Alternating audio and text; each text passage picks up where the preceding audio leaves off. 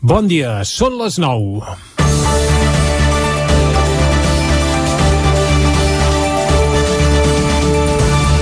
El maig de l'any passat es va commemorar el 75è aniversari de l'alliberament del camp de concentració de Mauthausen, un infern on van morir milers i milers de persones.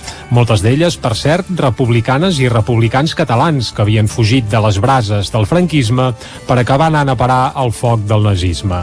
Nou d'aquests republicans que van passar per Mauthausen eren de Manlleu i set ja no en van sortir mai més, ja que van perdre la vida entre les reixes d'aquell malson.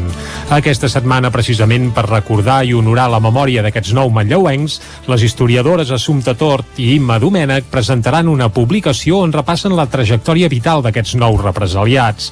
Amb Assumpta Tort, precisament, parlarem avui a l'entrevista aquí a Territori 17. I és que fer memòria és avui més important i urgent que mai. La ultradreta i el feixisme ja fa temps que tornen a acampar impunament a molts racons d'Europa i des de fa 10 dies també els tenim ja a les portes del Parlament de Catalunya amb Vox decidint a les institucions, algú creu que seria possible tirar endavant iniciatives com les que es presentarà aquest dijous a Manlleu? Doncs segurament que no. Contra l'oblit, doncs, memòria. I contra els que ens volen vendre un futur que se sustenti sobre el negacionisme i el no n'hi havia, per tant, és urgent receptar classes d'història. I si de l'alliberament de Mauthausen gairebé fa 76 anys, ahir també va fer 30 anys que Gerard Quintana, cantant de sopa de cabra, va fer un discurs incendiari a la introducció de la cançó Word de Bob Marley, que va quedar immortalitzat en el disc Ben Endins, el disc més venut, per cert, de la història del rock en català. Avui recordarem aquella cançó també aquí a Territori 17. Ho deia Quintana i ho deia Bob Marley. Fins que la filosofia deixi de fer una raça superior a les altres, hi haurà guerra. Tant de bo la memòria aquí, a Mauthausen, al Parlament, de, al Parlament de Catalunya, volem dir, i arreu ens ajudi a vestir un futur millor. Comença Territori 17, a la sintonia del nou FM, la veu de Sant Joan, Ona Codinenca, Ràdio Cardedeu i el nou TV. Territori 17, amb Vicenç Vigues i Jordi Sunyer.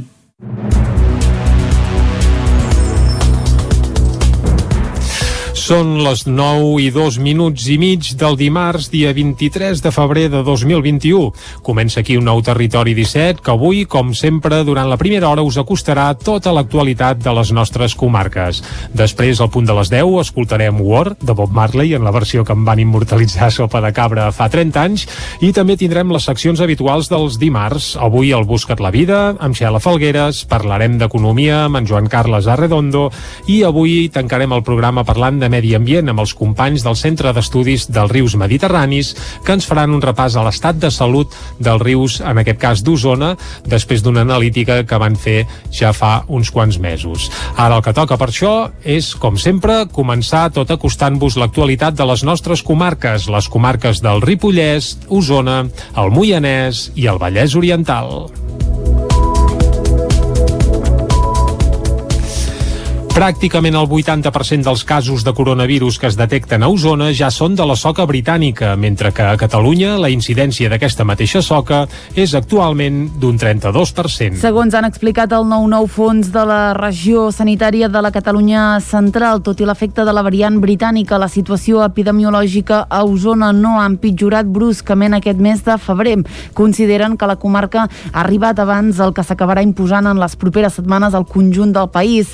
Entre els municipis amb pitjors dades actualment hi ha Sant Pere de Torelló, on s'han detectat 45 positius en 14 dies, i Manlleu, la setena ciutat catalana amb més mals indicadors, tot i que hi han millorat respecte a principis de mes, quan el risc de rebrot superava els 1.000 punts i la velocitat de propagació era d'1,56.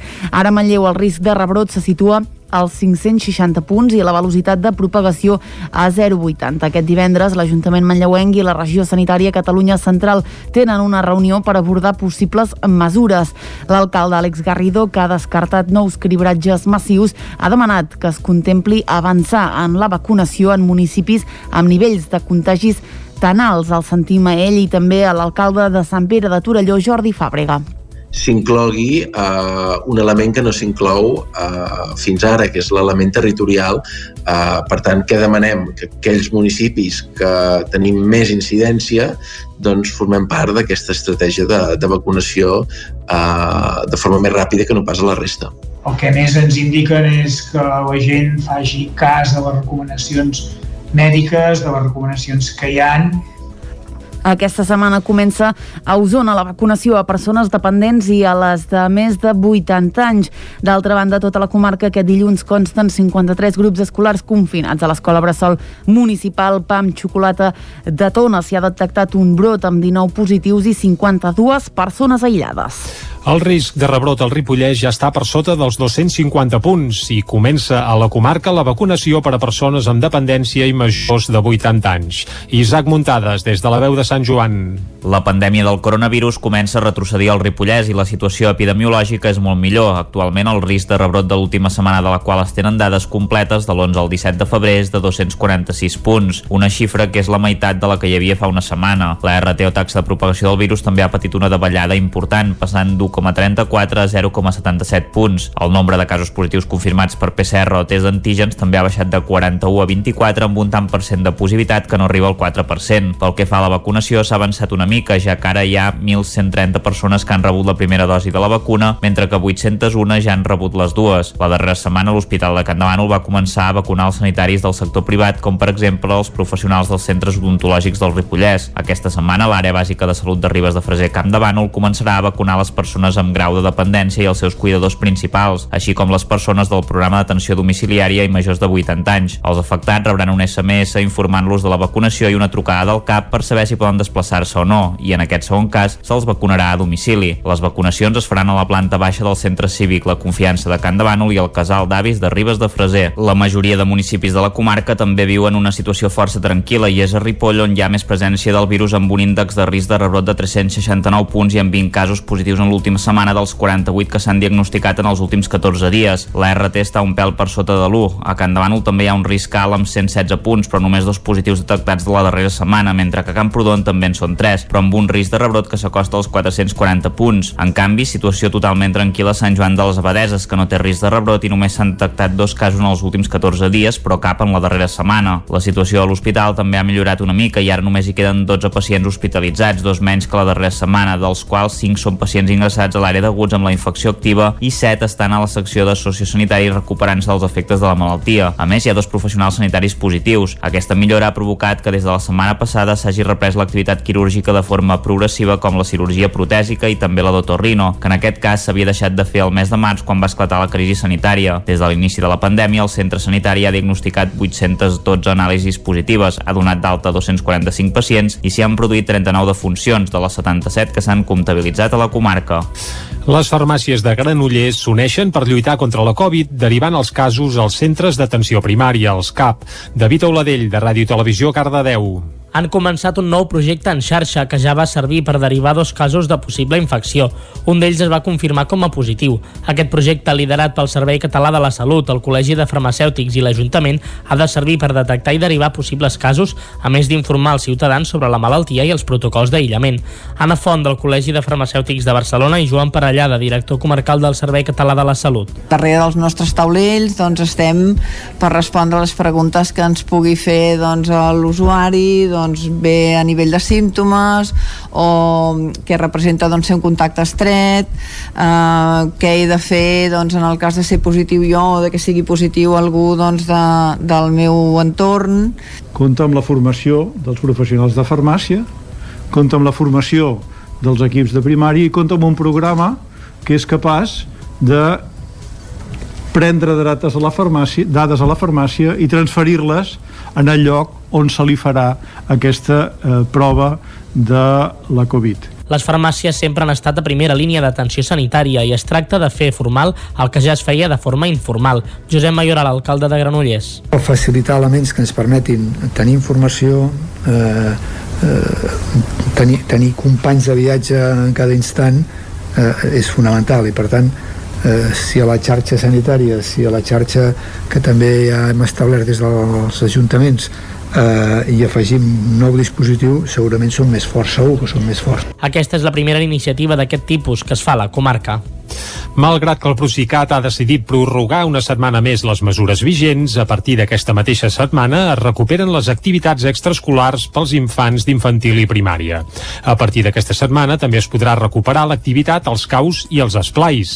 Aquest dissabte, l'esplai Wichi Wichi de Tona va sortir al carrer per reivindicar la seva importància. Volem esplai o imprescindible són alguns dels missatges que podia llegir-se a les pancartes que aquest dissabte van lluir pels carrers de Tona infants infants i monitors de l'esplai Wichi Wichi. El passat mes de març van haver d'aturar l'activitat presencial. Ara el Procicat els hi ha permès reprendre-la amb diferents condicions. Fer-ho en grups de 6 i amb infants d'infantil i primària. Mercè Baulenes és monitora de l'esplai Wichi Wichi.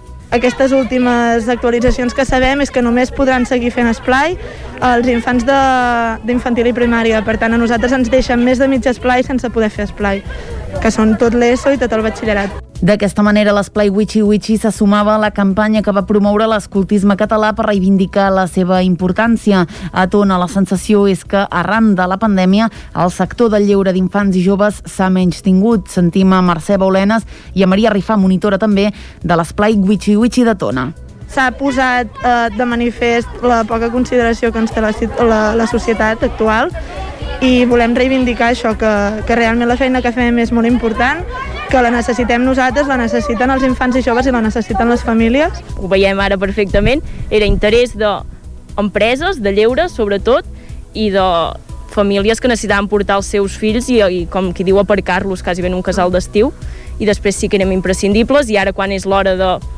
nosaltres com a voluntàries estem portant la nostra tasca del lleure, ara ja, no, ja, ara el lleure, del lleure ja en podem prescindir. Infants i monitores van recórrer els carrers de Tona fins a arribar a la plaça Major on es va llegir un manifest. Els establiments adherits al grup de comerciants codinencs llueixen per primera vegada una banderola per promoure el comerç local. Caral Campàs, des d'Ona Codinenca. El grup de comerciants codinencs de Sant Feliu de Codines ha posat en marxa una iniciativa per difondre i comunicar la marca anomenada Fem Comerç, Fem Poble, tot instal·lant banderoles als establiments comercials adherits. Una nova iniciativa per incentivar la compra de proximitat en els establiments del poble. Carme Vallcorba és presidenta de l'entitat. I és la primera vegada a la vida que Sant Feliu de Codina s'identifica un centre comercial i uns associats amb una Val. banderola, no s'havia fet mai a la vida. D'aquesta manera es busca promoure la imatge unitària del comerç de proximitat del municipi, vincular també els comerços i agrupar l'oferta comercial sota una marca pròpia.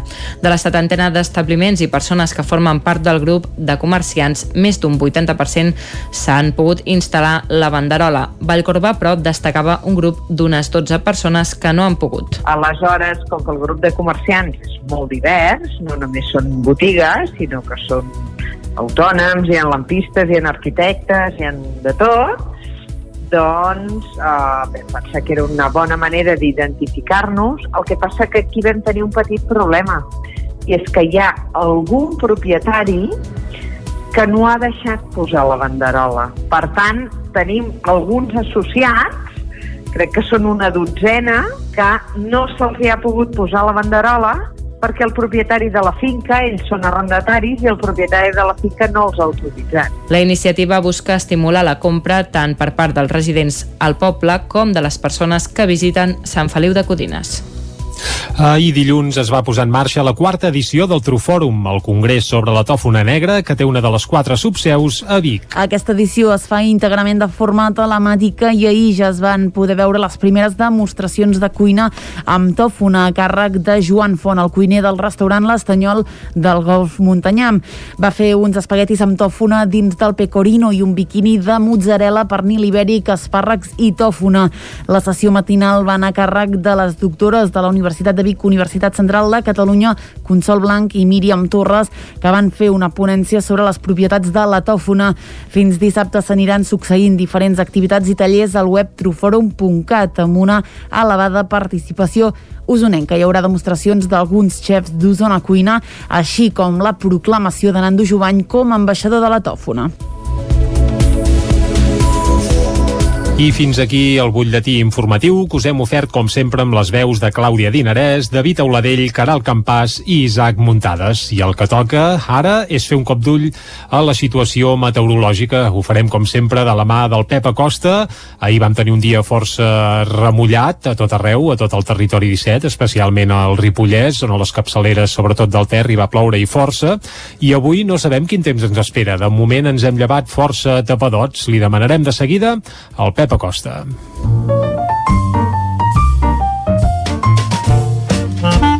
Casa Terradellos us ofereix el temps. Doncs vinga, molt bon dia, Pep. Hola, molt bon dia. I bona hora. Què tal esteu? Bé. Benvinguts a la informació meteorològica. Gràcies. Ahir hi ha ventada que vam mm -hmm. tenir al final precipitacions força destacables. Déu-n'hi-do. 46 litres a Vilagrau, eh, 12 a Sant Feliu de Codines, 92 litres a Ter i 60 a Molló. Són només 4 5 exemples de, de la petita llevantada que en tenia ahir. bueno, moderada, diria jo, moderada. Per fi va ploure gairebé a totes les comarques, a totes les nostres poblacions. Uh, sí, sí, va ser una, una bona pluja, pluja maca, no va fer mal, va caure bé, va ser una llevantada interessant, eh? molt interessant, perquè feia dies que no, que no plovia i ha anat molt bé, molt bé per tota, per tota la natura i per tots, per tots nosaltres.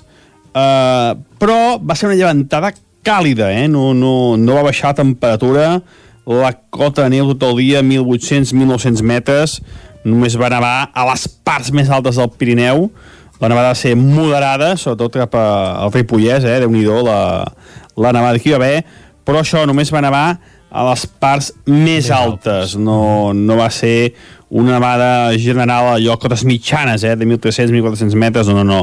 Va nevar molt amunt i és que els aires eren bastant càlids del sud, sud-est. S'ha anat enretirant ja aquesta, aquesta pertorbació, aquesta precipitació, ja no plou en lloc i la temperatura tampoc tampoc ha baixat, eh? Seguim amb aquests aires càlids, aquesta, com ho diria, aquest ambient eh, molt més primaveral del que hauria de ser aquest mes de febrer, que des de... No hi ha cap més dubtes que des d'un punt de vista meteorològic a mi m'ha defraudat molt. No, no, és, és, és el que he de dir. No, no, es, es nota, es nota. És el que sento i és és la veritat. Ha sigut Bé. defraudador perquè fa la meteorologia aquest mes de febrer. I avui serà un dia eh, molt diferent al d'ahir. La perturbació va marxant. Aquest matí encara poden quedar forces núvols, però mica a mica es aniran trencant. I ja no crec que plogui en lloc. I, la, i de cara a migdia, a la tarda, ja fins i tot el sol serà el protagonista.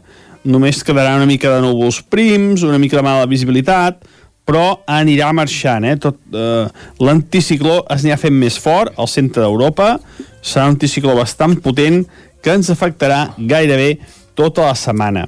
Uh -huh. uh, les temperatures màximes pujaran.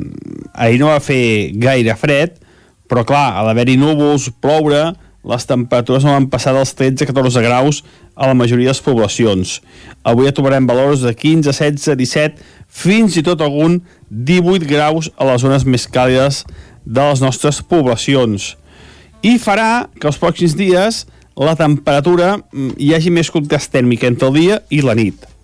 Les mínimes aniran baixant, eh, hi haurà poques glaçades, només a jocs més freds, i les màximes pujaran, s'acostaran als 20 graus ja durant tota la setmana. Contrast tèrmic important entre dia i la nit, que ahir no vam tenir, eh? les temperatures van ser gairebé iguals de, de nit que de dia, va haver molt, molt poca variació del, del termòmetre. I això és tot. Uh, avui s'anirà s'anirà anirà marxant aquesta pertorbació, la tranquil·litat serà la protagonista, de cada tarda ja lluirà el sol i les temperatures màximes pujaran. Serà un ambient gairebé primaveral tota aquesta setmana i no sembla que ens tingui d'afectar cap més front ni cap més pertorbació. Però bueno, ja, ja ho anirem parlant i ja anirem especificant cada dia el temps que, que farà. Moltes gràcies, fins demà, adeu. Vinga, Pep, moltes gràcies a tu. Estarem al cas de l'evolució del temps i ens quedem amb que s'acosten dies de certa bonança. Ara el que farem, per això el que s'acosta aquí a Territori 17 és la visita que fem cada dia al quiosc. I anem de seguida. Casa Tarradellas us ha ofert aquest espai. Territori 17. Envia'ns les teves notes de veu per WhatsApp al 646 079 023. 646 079 023. WhatsApp Territori 17.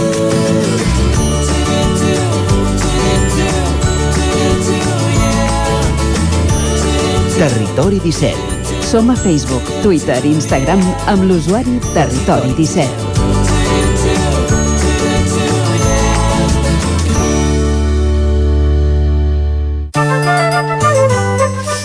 Doncs seguim en directe aquí a Territori 17 i el que toca ara és saludar de nou la Clàudia Dinarès. Bon dia, Clàudia. Molt bon dia de nou. I amb la Clàudia parlem i repassem les portades de la premsa d'avui, dimarts, dia 23 de febrer de 2021. Què diuen els diaris, Clàudia? Doncs uh, comencem pel punt avui que diu vostè a callar. Avui és 23F i diu la sal de Tejero al Congrés. Avui fa 40 anys i té encara papers classificats. En tornarem a parlar pràcticament a totes Fa les... 40 anys del 23F, com passa el temps.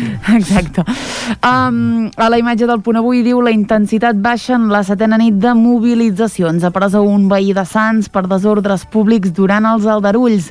L'activista Vivet nega a judici l'agressió a un mosso en una protesta. Més titulars, 21.475 negocis van tancar l'any 2020 per la pandèmia i l'Institut del Teatre aparta Joan Uller denunciat per abusos. Aquest és precisament el titular del diari Ara que diu l'Institut del Teatre aparta Joan Uller. La direcció del centre inicia una investigació sobre els casos d'assetjament i abús de poder. El Departament de Cultura i les associacions professionals es posen a disposició de les víctimes. A la imatge que hi veiem és els estudiants, diu indignació dels i les estudiants a l'Institut del Teatre.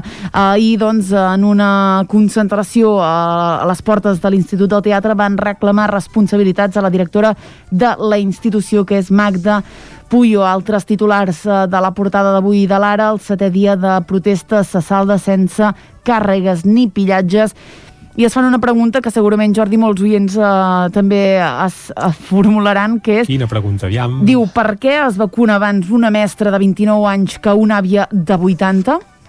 Mm. La Segur que la resposta, la trobem a dins del diari, eh? Exacte. Uh, en fi, seguim endavant, anem al periòdico que diu Aragonès avala els Mossos després d'una setmana de caos. El president en funcions crida a aprofundir i posar al dia el model policial català. A la imatge, el mirall de la Vall d'Hebron diu la resposta organitzativa de l'Hospital Barceloní al desafiament del coronavirus és objecte d'estudi en escoles de negocis. Rodalies, canviem de tema, preveu guanyar gairebé un 50% d'usuaris al 2030 i com veiem fa un moment l'Institut del Teatre aparta Uller per les acusacions d'assetjament. Avancem a l'avantguàrdia que diu PSOE i PP s'acosten a un pacte judicial després de dos anys de bloqueig. Tots dos partits avancen en la renovació del Consell General del Poder Judicial sense admetre sessions per cap de les parts. A la imatge arriben a Barcelona els robots de companyia. El comerç tem que els saquejos... Robots de companyia. Sí, sí. Uh, i, és, I fa gràcia, eh, la, la, la imatge. Uh, com us deia Jordi, el comerç tem que els saquejos siguin el cop de gràcia a la crisi i SEAT ultima la fabricació a Martorell d'un cotxe elèctric de Volkswagen. Molt bé, anem ara cap a les portades que s'editen a Madrid. Exactament. Què diuen els diaris? Anem cap a Madrid i comencem amb el país que diu el PP inicia la negociació del poder judicial amb el veto a dos progressistes. Els populars rebutgen eh, d'entrada els jutges Prada i Rossell.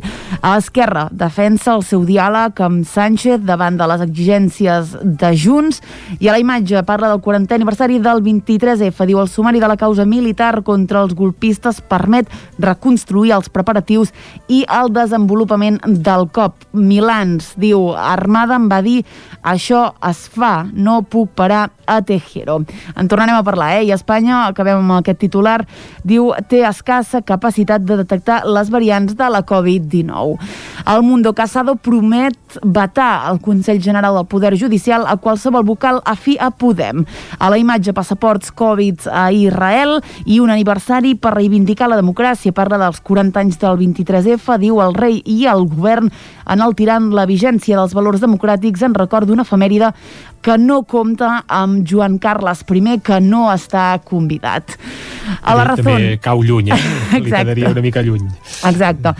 A la Razón eh, obren amb, amb un ampli tema eh, al voltant d'aquests 40 anys del 23F. El que han fet és fer una enquesta que diu que més del 70% dels joves entre 18 i 34 anys alerta no saben qui és Tejero. Diu que en aquesta franja d'edat desconeixen eh, que hi va haver un cop d'estat, però que sí que veu eh, factible que hi sigui en aquest moment. La majoria dels encastats destaquen el paper de Joan Carles I i creuen que avui hi hauria de ser i 8 de cada 10 espanyols defensa que hi ha una democràcia plena tot i el que diu Pablo Iglesias. Per tant, unes dades que cadascú les interpretarà com, com pugui. Um, a més a més, diu Podemos amenaça la renovació del Consell General del Poder Judicial.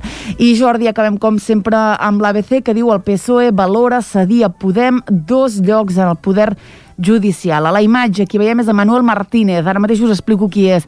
El tema va dels 40 anys del 23F i ell diu, deta res, això és un cop d'estat i ho estem fent nosaltres.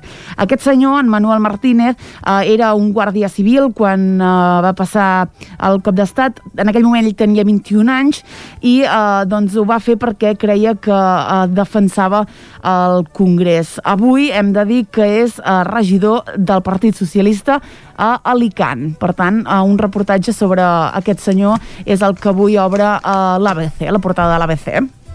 Fantàstic. Doncs, Clàudia, moltes gràcies.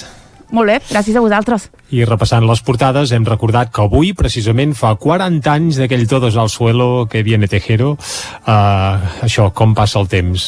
Tant de bo no s'hagin de reproduir mai episodis com aquell. El que farem ara, el que sí que reproduirem és una pausa publicitària i tornarem a dos quarts d'en punt amb més actualitat aquí, a Territori 17. Fins ara mateix. 9 FM, la ràdio de casa, al 92.8. Papeta Vilaró. Menjar a domicili per a gent gran. Menús saludables i adaptats segons les seves necessitats. Per viure més temps a casa amb millor salut i qualitat de vida.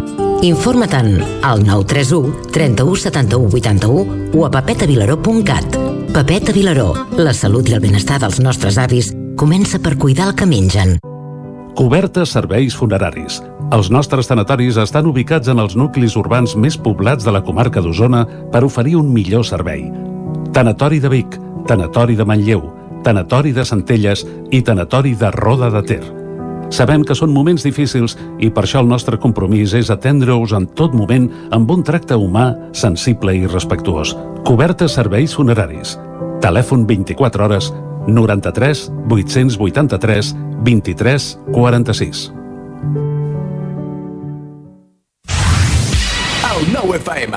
Anuncia't al 9 FM. La màquina de casa. 9 3 8 8 9 4 9 4 9. Publicitat arroba al 9fm.cat. Anuncia't al 9 FM. La publicitat més eficaç.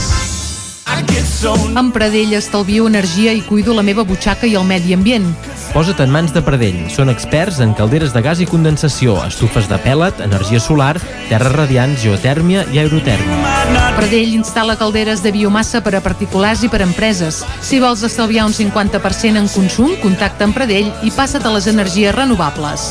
Pradell som a l'Avinguda Països Catalans 27 de Vic. Telèfon 93 885 11 97. Pradell.cat. A Vic, T52, un taller d'emocions. Una celebració, un reconeixement, un record, la victòria, el premi.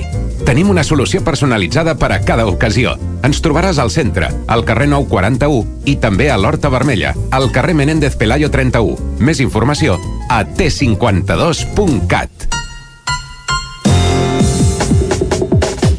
La ràdio de casa al 92.8. El 9 FM. Estudi fotogràfic. Nosaltres et lloguem el plató amb tot tipus de decorats i tu fas les fotos per només 18 euros l'hora. Per comunions, aniversaris, bucs, embarassades, nounats, suport rotatiu per fer vídeos de TikTok i molt més. Per Sant Valentí regala un val per només 18 euros i tindràs un bon record fotogràfic. Ens trobaràs al carrer de Sant Tomàs 4 de Call d'Atenes al telèfon 640 56 0310 i també a Instagram i a Facebook.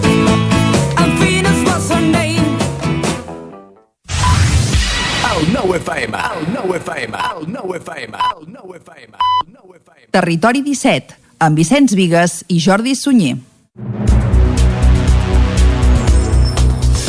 Són dos quarts de deu en punt d'avui dimarts, dia 23 de febrer de 2021.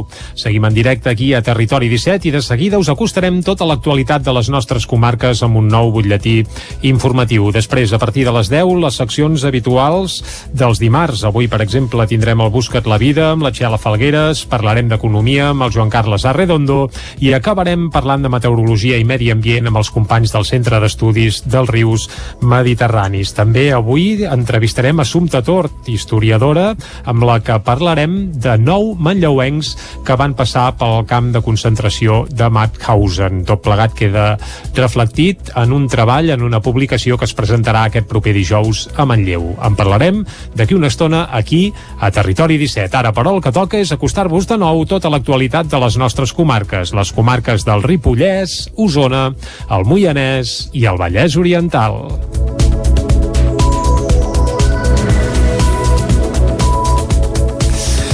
Pràcticament el 80% dels casos de coronavirus que es detecten a Osona ja són de la soca britànica, mentre que a Catalunya la incidència d'aquesta mateixa soca és actualment d'un 32%. Segons han explicat el 9-9 fons de la regió sanitària de la Catalunya central, tot i l'efecte de la variant britànica, la situació epidemiològica a Osona no ha empitjorat bruscament aquest mes de febrer.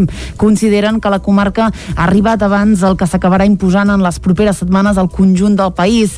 Entre els municipis amb pitjors dades actualment hi ha Sant Pere de Torelló, on s'han detectat 45 positius en 14 dies, i Manlleu, la setena ciutat catalana amb més mals indicadors, tot i que hi han millorat respecte a principis de mes, quan el risc de rebrot superava els 1.000 punts i la velocitat de propagació era d'1,56.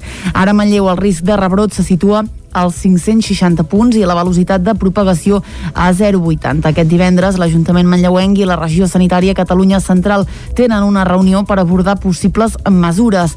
L'alcalde Àlex Garrido, que ha descartat nous cribratges massius, ha demanat que es contempli avançar en la vacunació en municipis amb nivells de contagis tan alts. El sentim a ell i també a l'alcalde de Sant Pere de Torelló, Jordi Fàbrega s'inclogui eh, un element que no s'inclou eh, fins ara, que és l'element territorial.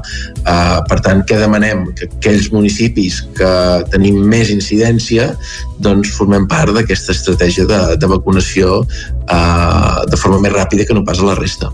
El que més ens indiquen és que la gent faci cas de les recomanacions mèdiques, de les recomanacions que hi han aquesta setmana comença a Osona la vacunació a persones dependents i a les de més de 80 anys. D'altra banda, tota la comarca aquest dilluns consten 53 grups escolars confinats. A l'escola Bressol Municipal PAM Xocolata de Tona s'hi ha detectat un brot amb 19 positius i 52 persones aïllades.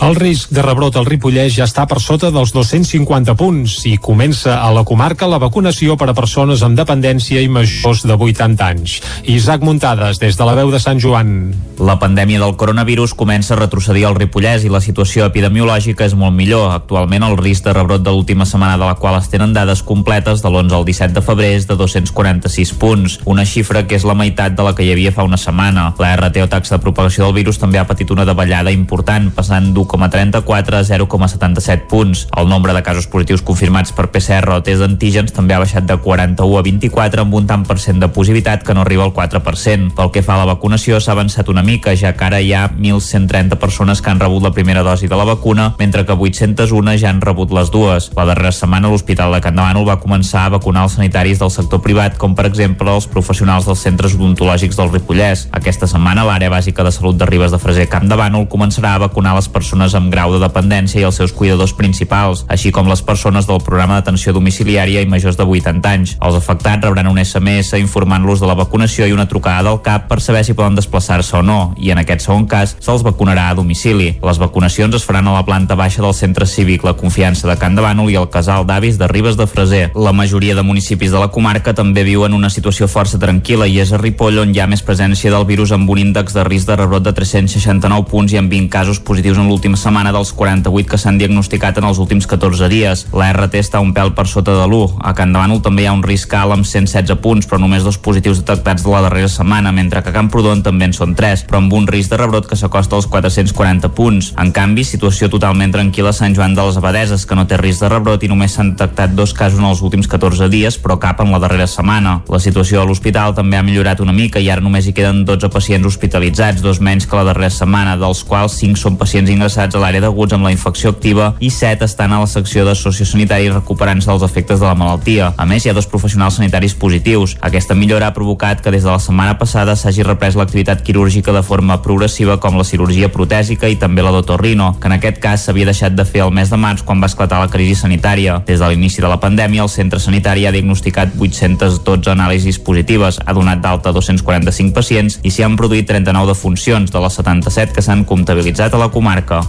Les farmàcies de Granollers s'uneixen per lluitar contra la Covid, derivant els casos als centres d'atenció primària, els CAP. David Oladell, de Ràdio Televisió, Cardedeu han començat un nou projecte en xarxa que ja va servir per derivar dos casos de possible infecció. Un d'ells es va confirmar com a positiu. Aquest projecte, liderat pel Servei Català de la Salut, el Col·legi de Farmacèutics i l'Ajuntament, ha de servir per detectar i derivar possibles casos, a més d'informar els ciutadans sobre la malaltia i els protocols d'aïllament. Anna Font, del Col·legi de Farmacèutics de Barcelona, i Joan Parellada, director comarcal del Servei Català de la Salut. Darrere dels nostres taulells doncs, estem per respondre les preguntes que ens pugui fer doncs, l'usuari, doncs, bé a nivell de símptomes o què representa doncs, ser un contacte estret eh, què he de fer doncs, en el cas de ser positiu jo o de que sigui positiu algú doncs, de, del meu entorn. Compta amb la formació dels professionals de farmàcia compta amb la formació dels equips de primària i compta amb un programa que és capaç de prendre dates a la farmàcia, dades a la farmàcia i transferir-les en el lloc on se li farà aquesta eh, prova de la Covid. Les farmàcies sempre han estat a primera línia d'atenció sanitària i es tracta de fer formal el que ja es feia de forma informal. Josep Mayoral, alcalde de Granollers. Per facilitar elements que ens permetin tenir informació, eh, eh, tenir, tenir companys de viatge en cada instant eh, és fonamental i per tant eh, si a la xarxa sanitària, si a la xarxa que també ja hem establert des dels ajuntaments eh, i afegim un nou dispositiu, segurament són més forts, segur que són més forts. Aquesta és la primera iniciativa d'aquest tipus que es fa a la comarca. Malgrat que el Procicat ha decidit prorrogar una setmana més les mesures vigents, a partir d'aquesta mateixa setmana es recuperen les activitats extraescolars pels infants d'infantil i primària. A partir d'aquesta setmana també es podrà recuperar l'activitat als caus i als esplais. Aquest dissabte, l'esplai Wichi Wichi de Tona va sortir al carrer per reivindicar la seva importància. Volem esplai o imprescindible són alguns dels missatges que podia llegir-se a les pancartes que aquest dissabte van lluir pels carrers de Tona infants i monitors de l'esplai Wichi Wichi.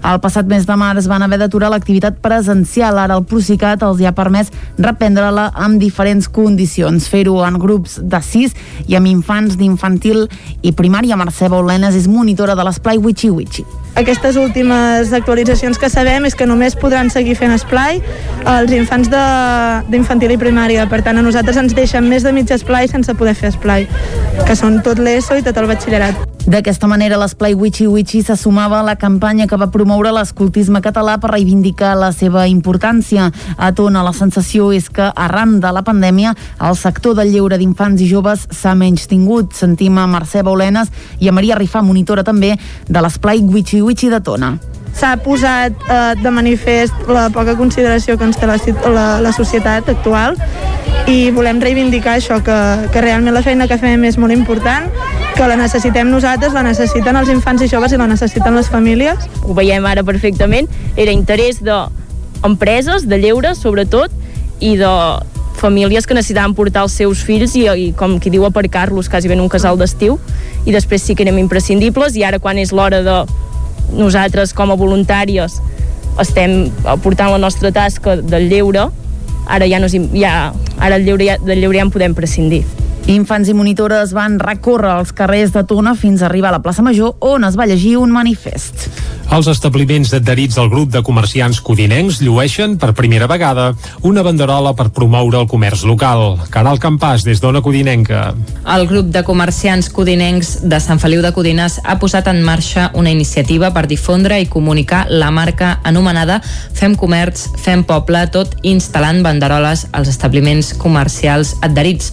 Una nova iniciativa per incentivar la compra de proximitat en els establiments del poble. Carme Vallcorba és president presidenta de l'entitat. I és la primera vegada a la vida que Sant Feliu de Codines s'identifica un centre comercial i uns associats amb una Val. banderola, no s'havia fet mai a la vida.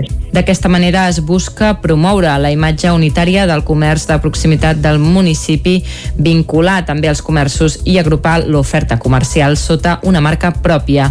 De la setantena d'establiments i persones que formen part del grup de comerciants, més d'un 80% s'han pogut instal·lar la banderola. Vallcorba, però, destacava un grup d'unes 12 persones que no han pogut. Aleshores, com que el grup de comerciants és molt divers, no només són botigues, sinó que són autònoms, hi ha lampistes, hi ha arquitectes, hi ha de tot, doncs eh, vam pensar que era una bona manera d'identificar-nos. El que passa que aquí vam tenir un petit problema, i és que hi ha algun propietari que no ha deixat posar la banderola. Per tant, tenim alguns associats, crec que són una dotzena, que no se'ls ha pogut posar la banderola perquè el propietari de la finca, ells són arrendataris i el propietari de la finca no els ha autoritzat. La iniciativa busca estimular la compra tant per part dels residents al poble com de les persones que visiten Sant Feliu de Codines. Ahir dilluns es va posar en marxa la quarta edició del Trufòrum, el congrés sobre la tòfona negra, que té una de les quatre subseus a Vic. Aquesta edició es fa íntegrament de forma telemàtica i ahir ja es van poder veure les primeres demostracions de cuina amb tòfona a càrrec de Joan Font, el cuiner del restaurant L'Estanyol del Golf Montanyam. Va fer uns espaguetis amb tòfona dins del pecorino i un biquini de mozzarella, pernil ibèric, espàrrecs i tòfona. La sessió matinal va anar a càrrec de les doctores de la Universitat de Vic, Universitat Central de Catalunya, Consol Blanc i Míriam Torres, que van fer una ponència sobre les propietats de la tòfona. Fins dissabte s'aniran succeint diferents activitats i tallers al web truforum.cat amb una elevada participació usonenca. Hi haurà demostracions d'alguns xefs d'Osona Cuina, així com la proclamació de Nando Jovany com a ambaixador de la tòfona. I fins aquí el butlletí informatiu que us hem ofert com sempre amb les veus de Clàudia Dinarès, David Auladell, Caral Campàs i Isaac Muntades. I el que toca ara és fer un cop d'ull a la situació meteorològica. Ho farem com sempre de la mà del Pep Acosta. Ahir vam tenir un dia força remullat a tot arreu, a tot el territori 17, especialment al Ripollès, on a les capçaleres, sobretot del Ter, hi va ploure i força. I avui no sabem quin temps ens espera. De moment ens hem llevat força tapadots. Li demanarem de seguida al Pep Pep Acosta.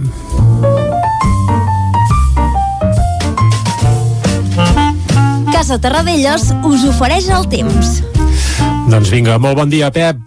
Hola, molt bon dia. I bona hora. Què tal esteu? Bé. Benvinguts a la informació meteorològica. Gràcies. Ahir hi ha ventada que vam mm -hmm. tenir al final precipitacions força destacables. déu nhi 46 litres a Vilagrau, eh, 12 Sant Feliu de Codines, 92 litres a Ter i 60 Molló. Són només 4 5 exemples de, de la petita llevantada que en tenia ahir, bueno, moderada, diria jo, moderada, per fi va ploure gairebé totes les comarques, a totes les poblacions, uh, sí, sí, va ser una, una bona pluja, pluja maca, no va fer mal, va caure bé, va ser una llevantada interessant, eh? molt interessant, perquè feia dies que no, que no plovia i ha anat molt bé, molt bé per tota, per tota la natura i per tots, per tots nosaltres.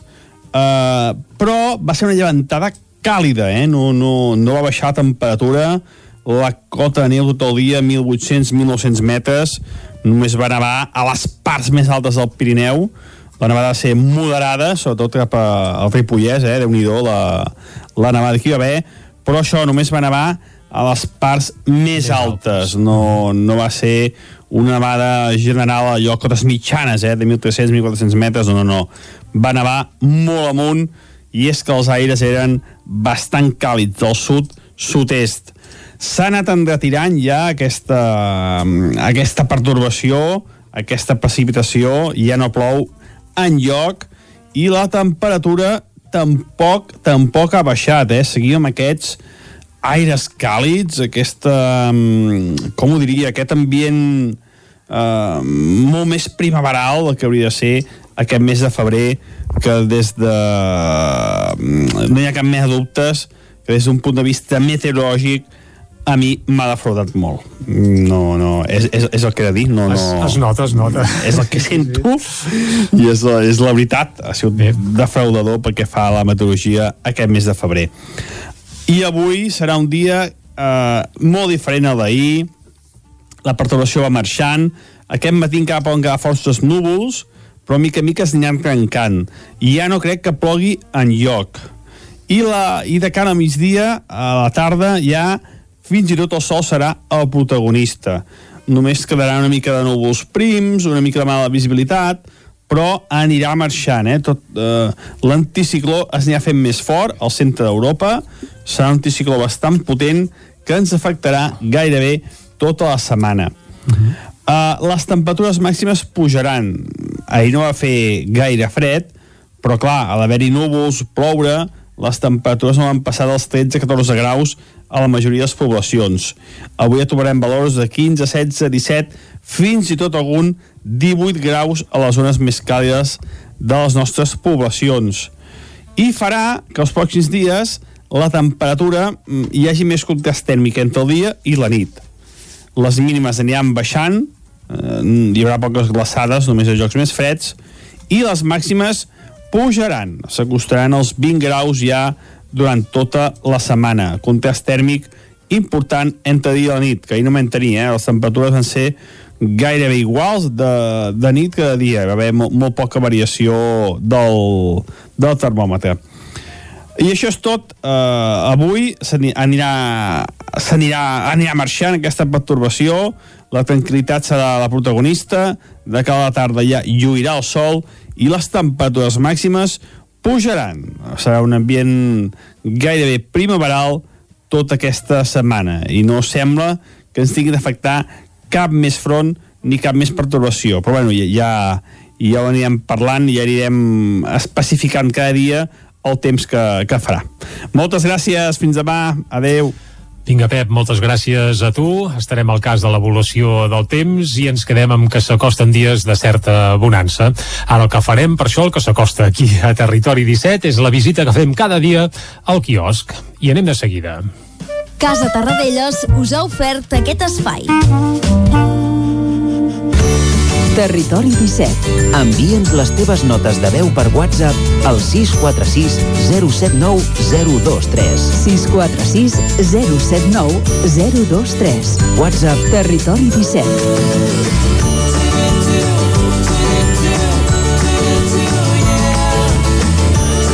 Territori 17. Som a Facebook, Twitter i Instagram amb l'usuari Territori 17.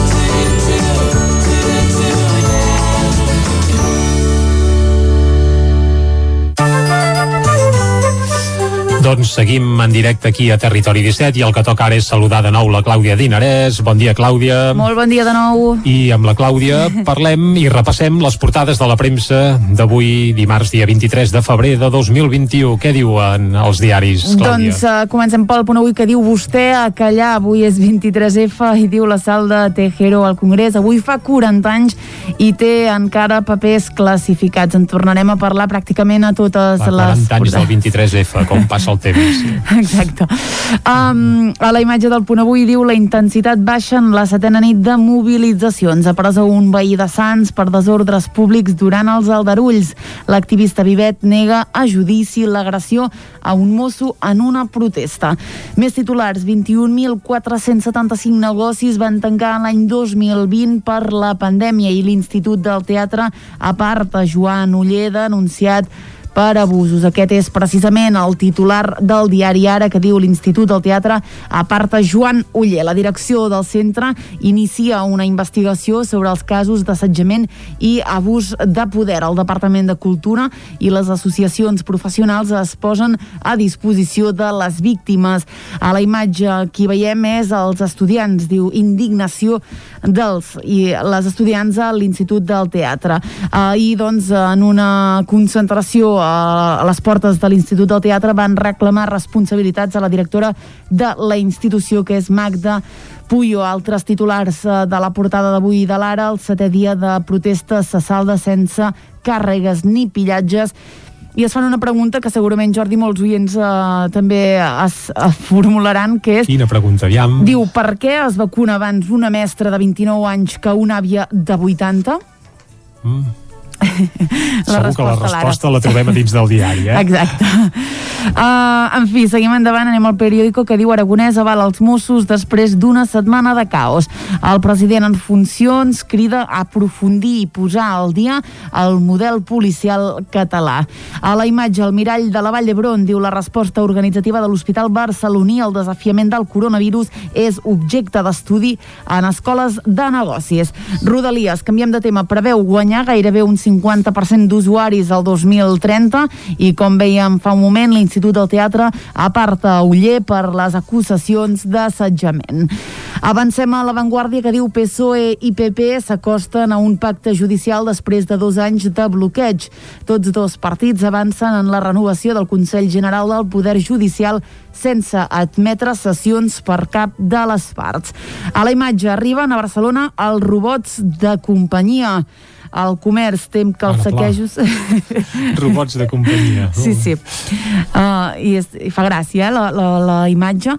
Uh, com us deia Jordi, el comerç tem que els saquejos siguin el cop de gràcia a la crisi i SEAT ultima la fabricació a Martorell d'un cotxe elèctric de Volkswagen. Molt bé, anem ara cap a les portades que s'editen a Madrid. Què Exactament. diuen els diaris? Anem cap a Madrid i comencem amb el país que diu el PP inicia la negociació del poder judicial amb el veto a dos progressistes. Els populars rebutgen eh, d'entrada els jutges Prada i Rossell.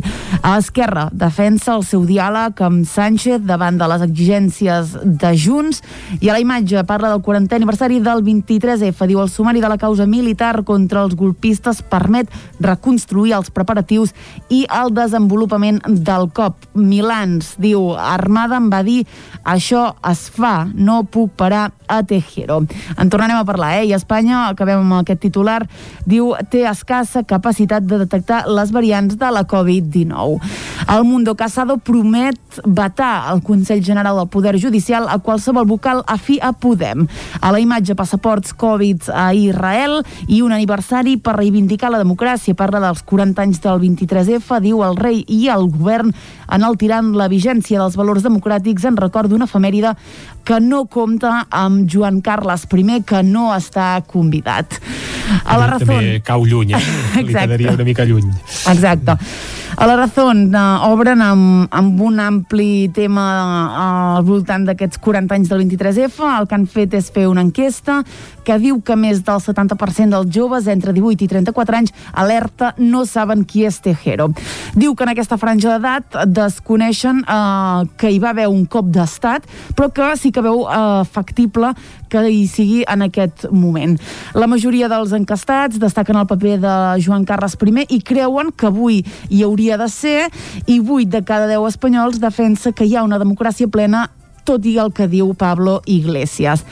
Per tant, unes dades que cadascú les interpretarà com, com pugui. Um, a més a més, diu Podemos amenaça la renovació del Consell General del Poder Judicial. I Jordi, acabem com sempre amb l'ABC que diu el PSOE valora cedir a Podem dos llocs en el Poder Judicial judicial. A la imatge, qui veiem és Manuel Martínez, ara mateix us explico qui és. El tema va dels 40 anys del 23F i ell diu, deta res, això és un cop d'estat i ho estem fent nosaltres. Aquest senyor, en Manuel Martínez, eh, era un guàrdia civil quan eh, va passar el cop d'estat. En aquell moment ell tenia 21 anys i eh, doncs ho va fer perquè creia que eh, defensava el Congrés. Avui hem de dir que és eh, regidor del Partit Socialista a Alicant. Per tant, eh, un reportatge sobre aquest senyor és el que avui obre eh, l'ABC, la portada de l'ABC.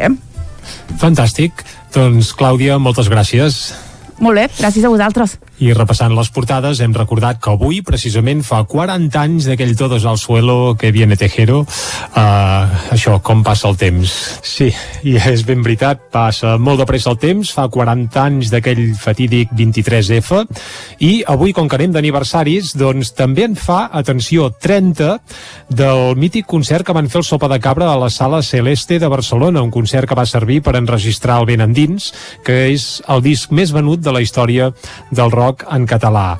Eh, més que un concert van ser dos concerts, es van fer les nits del 21 i 22 de febrer de 1991, aquella mítica sala barcelonina, que de moment per culpa de la pandèmia continua tancada, ara amb un altre nom, ara es diu Rasmatàs.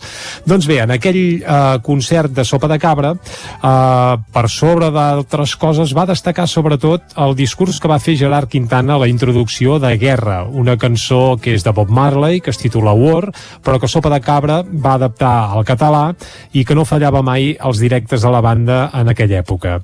El Gerard Quintana va fer una crida bé, a la solidaritat, a la pau, però alhora també va ser molt crític tant amb els polítics com en els estaments empresarials i, per què no dir-ho, militars de l'època.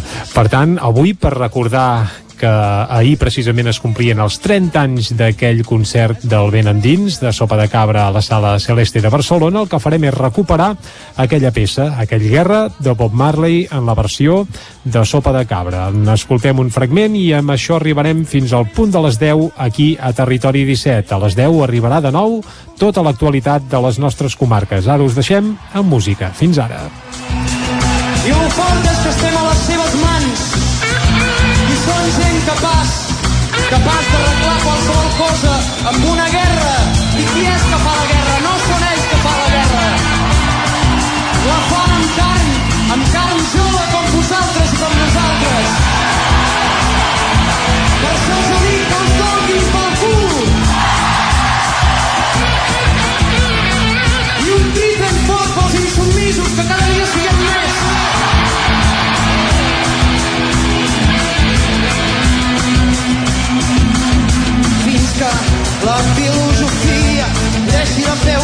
raça superior a les altres.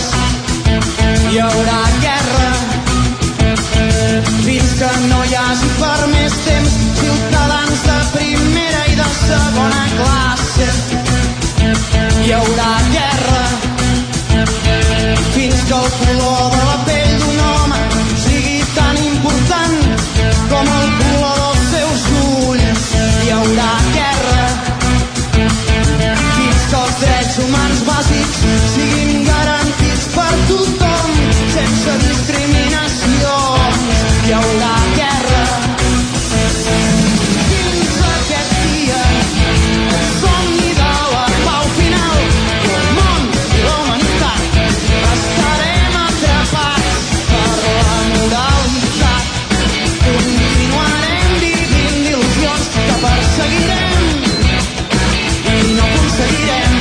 Aquesta modificació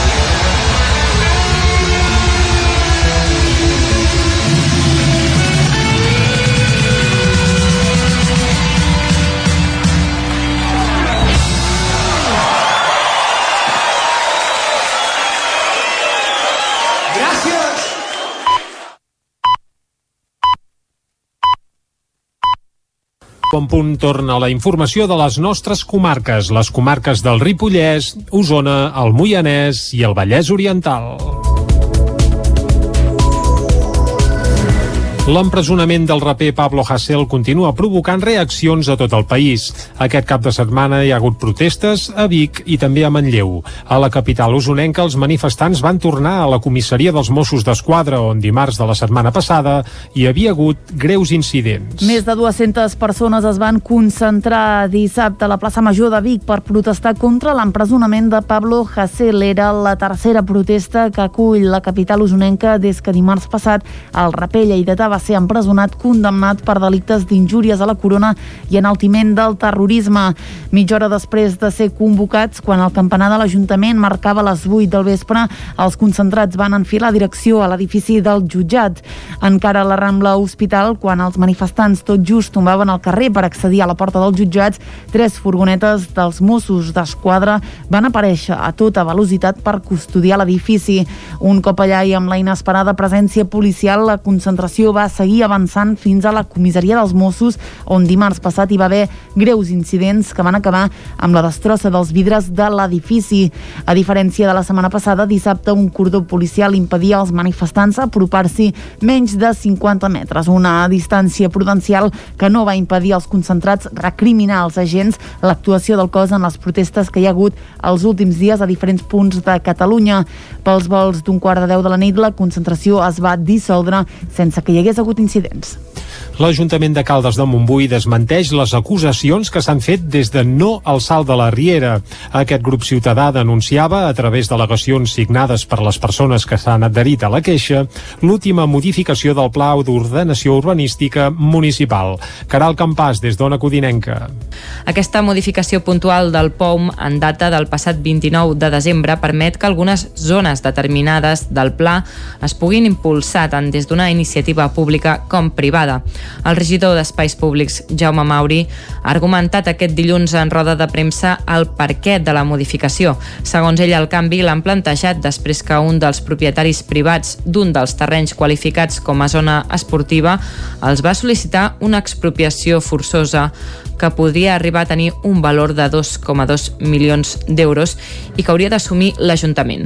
Segons Mauri, al consistori no li interessa adquirir aquests terrenys. I amb aquesta, i amb aquesta maniobra hem aturat aquesta expropiació forçosa. O sigui, el que hem fet amb això és salvaguardar el diner públic perquè no vagi a la butxaca d'uns privats, perquè tenen uns terrenys afectats pel pla general, i d'aquesta manera destinar aquests milions de pessetes a llocs molt més necessaris i molt més prioritaris que ara mateix ens ocupa l'obra de govern de Caldes amb el fins ara aquests terrenys qualificats com a zona esportiva havien de ser gestionats només des de l'Ajuntament i per això el propietari afectat pel POUM no tenia cap altra opció o li comprava a l'Ajuntament o quedava immobilitzat.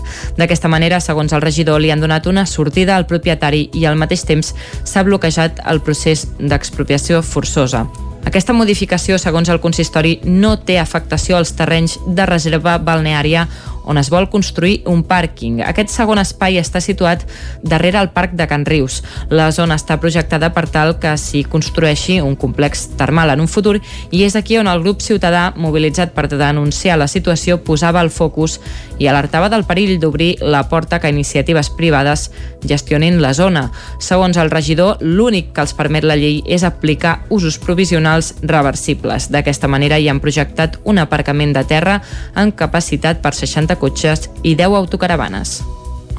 Granollers presenta les 40 mesures del Pacte de Ciutat per recuperar el dinamisme i la vitalitat arran de la crisi sanitària de la Covid-19. David Auladell, de Ràdio i Televisió, Cardedeu.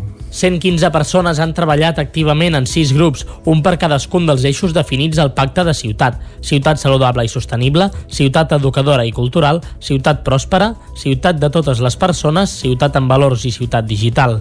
Aquests grups han desenvolupat la feina iniciada pel Consell de Ciutat, que alhora recollia l'encàrrec de la Junta de Portaveus i han desplegat el Pacte de Ciutat, que compta amb les adhesions de més de 250 persones, entitats i empreses. La regidora de Processos Participatius, Andrea Canelo, ha explicat que les 201 propostes han estat valorades en grups de treball i s'han treballat tècnica i políticament fins a concretar les 40 que s'incorporen al pla d'actuació municipal i esdevenen la resposta que la ciutat, en el seu conjunt, ha de donar a curt i mitjà termini per sortir de la crisi a la que ens ha abocat la pandèmia del coronavirus. També ha destacat la corresponsabilitat dels tres nivells de compromís que hi ha en aquestes accions i ha apel·lat a la ciutadania, entitats i empreses a fer-se seus els compromisos. La resta de les propostes rebudes s'han definit com a propostes a prendre en consideració a l'hora d'elaborar les noves planificacions d'àmbit sectorial i estratègic. Cinc dotacions de bombers van treballar durant més d'una hora dissabte a la tarda a Taradell per apagar l'incendi que s'havia declarat en una habitació del número 12 del carrer de Vic. La família que vivia al pis en va resultar il·lesa, tot i que l'home va haver de ser rescatat perquè havia quedat atrapat en un balcó. La dona i els fills en estat de xoc van ser acollits per uns veïns. Les tres famílies que vivien a l'edifici han estat reallotjades després que l'arquitecte municipal detectés que la casa havia quedat inhabitable l'Ajuntament estudiarà aquest dilluns si s'hi pot tornar. Caralps comença a executar les actuacions del POSC per valor d'uns 133.000 euros. Isaac Muntades, des de la veu de Sant Joan. L'Ajuntament de Caralps té diversos projectes en marxa en el marc del Pla Únic d'Obres i Serveis de Catalunya i la intenció és a tot estirar acabar-los durant l'any 2022. La primera d'aquestes actuacions s'ha de fer aquest any i és l'urbanització de l'entorn i l'arranjament de la plaça de Can Salva, al nucli urbà de Serrat, que costarà gairebé 48.000 euros, dels quals més de 45.000 estaran subvencionats pel POSC. L'alcaldessa de Caralps, Imma Constants, va explicar que la part de sobre d'aquesta plaça coberta està molt malmesa, així com el carrer que hi ha entre aquest espai i les antigues escoles, que té un trosset que encara hi ha herba. Aquesta setmana s'acaba el termini perquè les empreses puguin presentar els seus projectes i està previst que les obres comencin durant la primavera i s'acabin a l'estiu. Constants va recordar que en llocs d'alta muntanya com Caralps el període bo per fer obres és des de mitjans de maig fins a l'octubre perquè si no glaça molt i després es poden malmetre les infraestructures. L'alcaldessa de Caralps també va detallar altres de les actuacions que duran a terme gràcies al POSC. les altres actuacions que tenim, una altra és, a la legislatura passada vàrem reasfaltar, eh, perquè ja estava asfaltada però estava molt malament, la carretera que va a Sabat, eh, els maristes de Sabat, van fer la meitat i la intenció és fer l'altra meitat. És un tram de, posi, entre tot, 3 quilòmetres. Això, mínim, mínim, 50, 60 mil, 70. Dins del post també tenim diversos carrers de Caralps, carrers que estan eh, malmesos, vull dir, on hi hem posat, per exemple, el carrer del mig, el carrer dalt, és a dir, per exemple, d'una urbanització, l'urbanització de la Manet, que està a la part de dalt de tot, a l'accés del carrer de dalt, doncs, per exemple, hi ha unes escales que aquestes s'haurien de fer noves, són tot com trossos de carrers. Arreglar, pavimentar, posar brana, és a dir, tot el que seria l'adequació total, eh? Alguns si convé doncs, fer el tros de clavegaram nou. En el cas de l'urbanització del carrer de Baix, que s'ha de fer l'any vinent, el POSC subvencionarà 81.000 euros dels pocs més de 85.000 que costa el projecte. Constants va remarcar que han tocat molt de peus a terra i van proposar projectes que fossin assumibles i que poguessin pagar fins que no arribessin les subvencions. D'altra banda, ara també s'està acabant la il·luminació de Serrat amb 30 punts de llum amb fanals o algun focus. Josep Maria Riba relleva David Comte com a vicari general del Bisbat de Vic. El Bisbat de Vic ha portat a terme un dels canvis més rellevants en els 18 anys d'episcopat de Romà Casanova. Divendres al migdia s'anunciava per sorpresa el relleu en el càrrec del vicari general. Josep Maria Riba, director del Museu Episcopal, es convertirà ara en la figura més rellevant després del bisbe en substitució de David Comte, que havia ocupat aquesta responsabilitat en els 12 darrers anys. Tot i que, segons fons del bisbat, feia mesos que es preparava aquest relleu, la notícia va causar una certa sorpresa. David Comte va ser nomenat vicari general després de la jubilació de l'anterior, Narcís Riba, per motius de salut i en aquell moment, amb només 35 anys, el canvi generacional va representar tota una novetat. No obstant això, Romà Casanova es decanta ara per l'experiència. Nascut a Vilanova del Camí fa 65 anys, Josep Maria Riba ha estat en gairebé tots els fronts del bisbat. A partir d'ara, David Comte es dedicarà a les parròquies de Sant Joan de les Abadeses i Ugassa, de les quals és rector. En la nota oficial que el bisbat va emetre divendres se li agraeixen tots els treballs que, amb discreció, ha fet en favor de l'Església. I fins aquí el butlletí informatiu que us hem ofert, com sempre, amb les veus de Clàudia Dinarès, David Auladell, Caral Campàs i Isaac Muntades. Ara el que toca és recuperar de nou la informació meteorològica, per tant, de seguida tornem a saludar en Pep Acosta.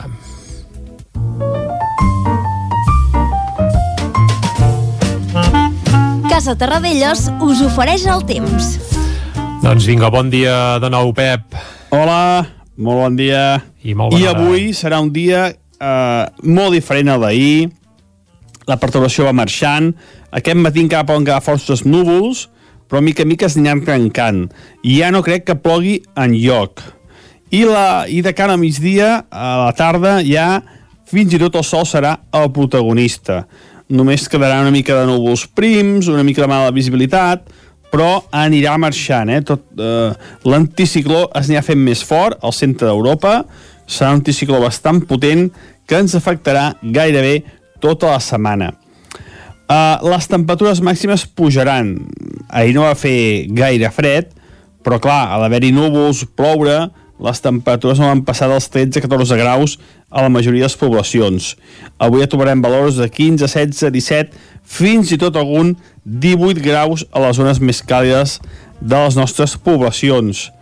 I farà que els pròxims dies la temperatura mm, hi hagi més contrast tèrmic entre el dia i la nit. Uh -huh. Les mínimes aniran baixant, eh, hi haurà poques glaçades, només a jocs més freds, i les màximes pujaran, s'acostaran als 20 graus ja durant tota la setmana. Contrast tèrmic important entre dia i la nit, que ahir no vam tenir, eh? les temperatures van ser gairebé iguals de, de nit que de dia, hi va haver molt, molt poca variació del, del termòmetre.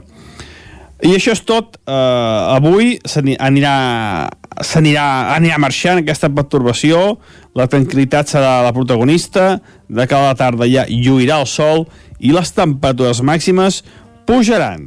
Serà un ambient gairebé primaveral tota aquesta setmana i no sembla que ens tingui d'afectar cap més front ni cap més pertorbació. Però bueno, ja, ja, ja ho anirem parlant i ja anirem especificant cada dia el temps que, que farà. Moltes gràcies, fins demà, adeu. Vinga, Pep, moltes gràcies a tu. Ens avances que a la tarda veurem el sol. De moment, per això, a tot el territori 17 continuem amb el cel ben tapat, eh? Tant de bo puguem saludar el sol d'aquí una estoneta. Bé, després de fer aquest apunt meteorològic, una petita pausa i de seguida anem cap a l'entrevista. Casa Tarradellas us ha ofert aquest espai. Territori 17. Envia'ns les teves notes de veu per WhatsApp al 646 079 023. 646 079 023. WhatsApp Territori 17.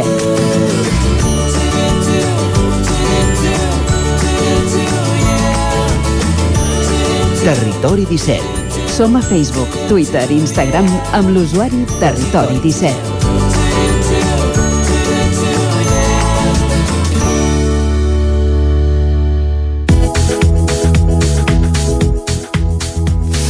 Un parell de minuts i seran un quart d'onze del matí. Seguim en directe aquí a Territori 17 i avui és dia d'aniversaris i hem parlat de que fa 40 anys del 23F, el cop d'estat de Tejero a l'estat espanyol, fa 30 anys d'aquell concert del Ben Endins de Sopa de Cabra i, eh, bé, no, no és una xifra rodona, però el 5 de maig de 2020 es van complir els 75 anys de l'alliberament del camp de concentració nazi de Mauthausen. En aquell infern hi van anar a parar molts republicans espanyols capturats per l'exèrcit alemany, no reconeguts pel règim franquista i etiquetats com a apàtrides. I entre aquests hi havia nou manlleuencs, dels quals només dos van poder sobreviure. Uh, L'any 2018, el Museu del Ter de Manlleu ja havia dedicat una exposició als represaliats pel franquisme on hi figurava un d'aquests manlleuencs que va passar per Mauthausen.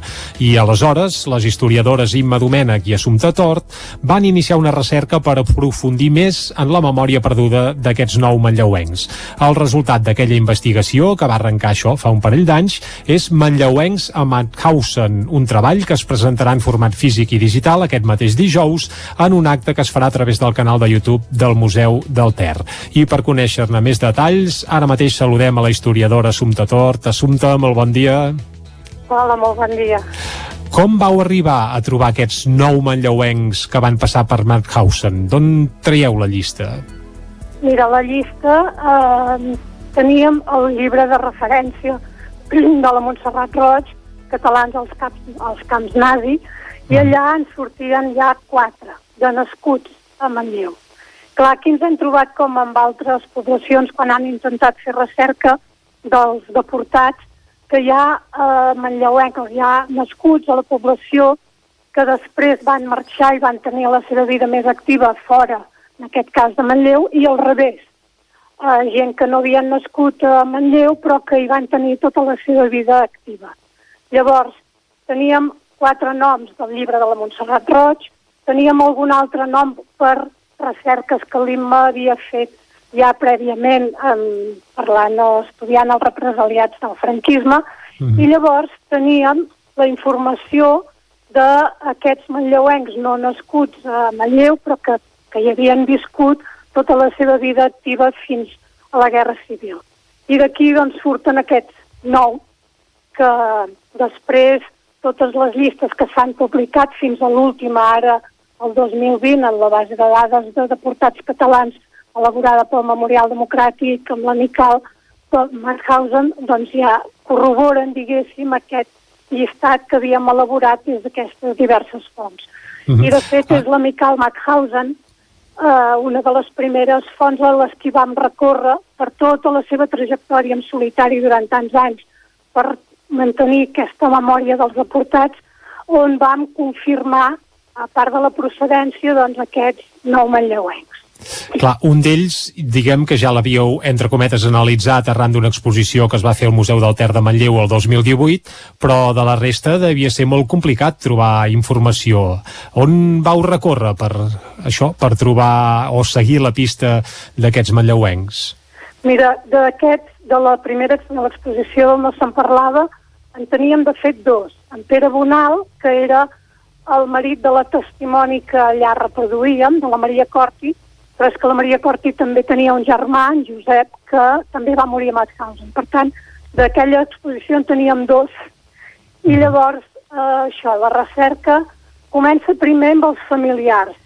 I això, en alguns casos, ha estat difícil perquè, eh, clar, ens trobem amb la barrera de sempre, eh, que han passat masses anys, 75 anys, 80 anys són masses anys, perquè no queden testimonis directes només en els dos que van sobreviure.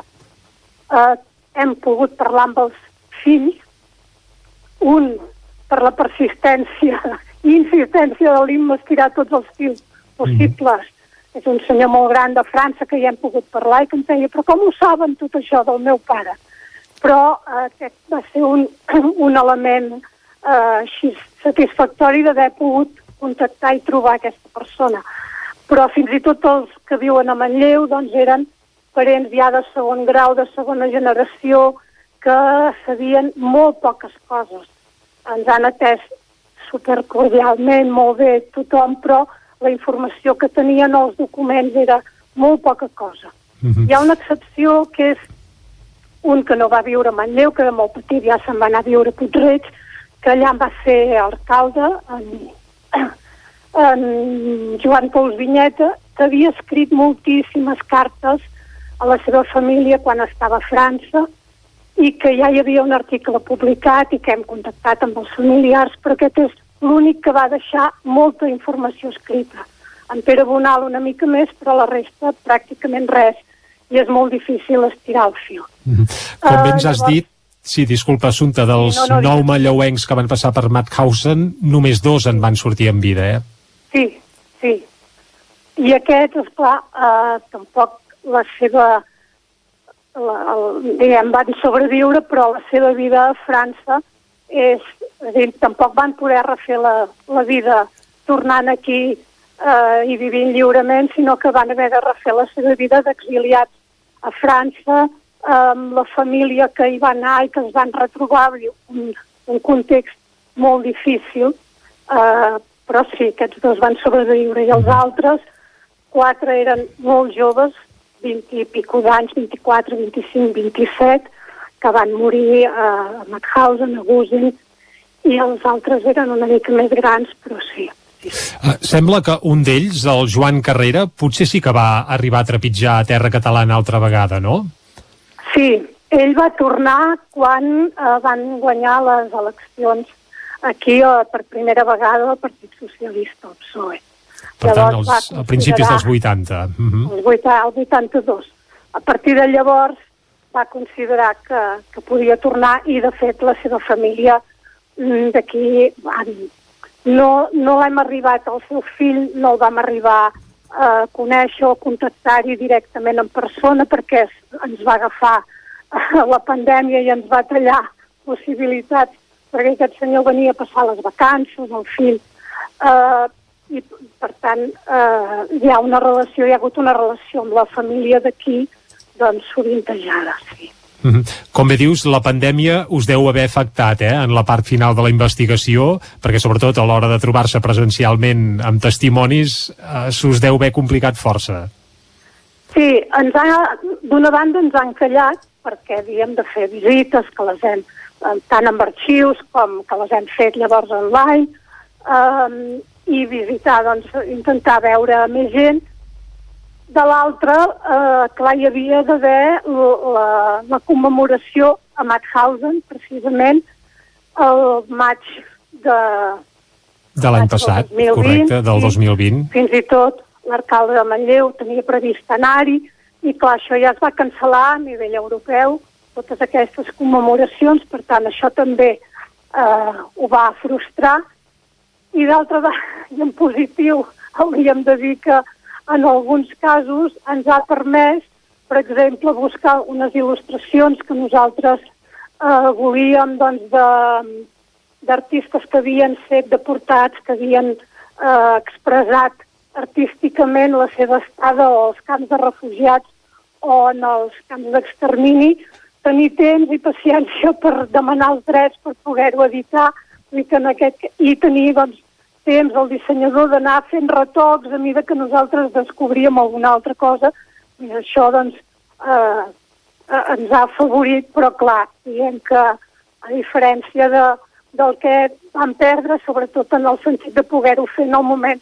en què estava pensat la publicació i la, diguem, el reconeixement a Manlleu que ja es farà doncs, d'aquests mm -hmm. nou deportats. Ja que parlem dels efectes de la pandèmia, expliquem que la presentació d'aquest manlleuencs a Mauthausen es farà aquest dijous a Manlleu, però que per culpa de la pandèmia no serà un acte presencial on la gent pugui acudir presencialment, sinó que es farà a través del canal de YouTube del mateix museu, oi? Sí, sí, sí, no hi haurà públic, però farem una presentació per donar a conèixer que la publicació ja està a l'abast dels que els hi pugui interessar doncs, seguir una mica aquesta aquests fets i aquesta recuperació d'aquesta memòria tant temps mm -hmm. amagada i, i oblidada. Per cert, eh, hi haurà el format físic i també el format digital de la publicació, oi? Sí, sí. El format físic ara ja, ja el tenim, és un llibret petit, però que a nosaltres ens agrada molt tal com ha quedat, molt ben, molt ben editat. I, i, llavors, I el format digital, format digital eh, on es podrà consultar? Uh, suposo que s'hi accedirà a través del, de la web del Museu del Ter, que llavors hi haurà l'enllaç per poder accedir a tota la mateixa informació però amb aquest format digital. -hmm. uh, tornem una mica als fets de, sí. bé, evidentment del que va passar a Mauthausen, una tragèdia que, de la qual ja en fa més de tres quarts de segle que important que és fer memòria d'aquells fets per evitar que mai més tornin a passar no? i més quan ens trobem sí. que formacions feixistes com Vox les tenim a les portes del Parlament uh, i és molt important fer pedagogia de tot aquell passat per evitar que es recuperi, uh, vaja, que s'eviti que es puguin tornar a repetir episodis com aquells, oi? Sí, um, això d'una banda, uh, sempre el lema de, dels propis republicans espanyols en el moment de l'alliberament eren aquelles tres paraules, diguem, mai més en lloc contra ningú, i aquest lema és absolutament vigent. I de l'altra perquè, eh, com ja havíem parlat en l'exposició dels represaliats del franquisme, sempre o fins fa molt poc la història s'ha explicat des del punt de vista dels vencedors i tota aquesta història dels vençuts i en aquest cas dels, dels republicans espanyols que, que van anar a parar a Mauthausen doncs ha quedat fins al 2020, el Ministeri no publica, bé, ja havia publicat una primera llista, però el, el reconeixement ha estat com a mínim d'aquests de, deportats espanyols republicans ha estat molt, molt tardà i forma part de, de, de la globalitat de la història. No es pot explicar la història només d'una banda i oblidant eh, i amagant l'altra i en els moments, doncs, el que deies, en els moments en els que estem vivint, això és molt important i, de fet, una de les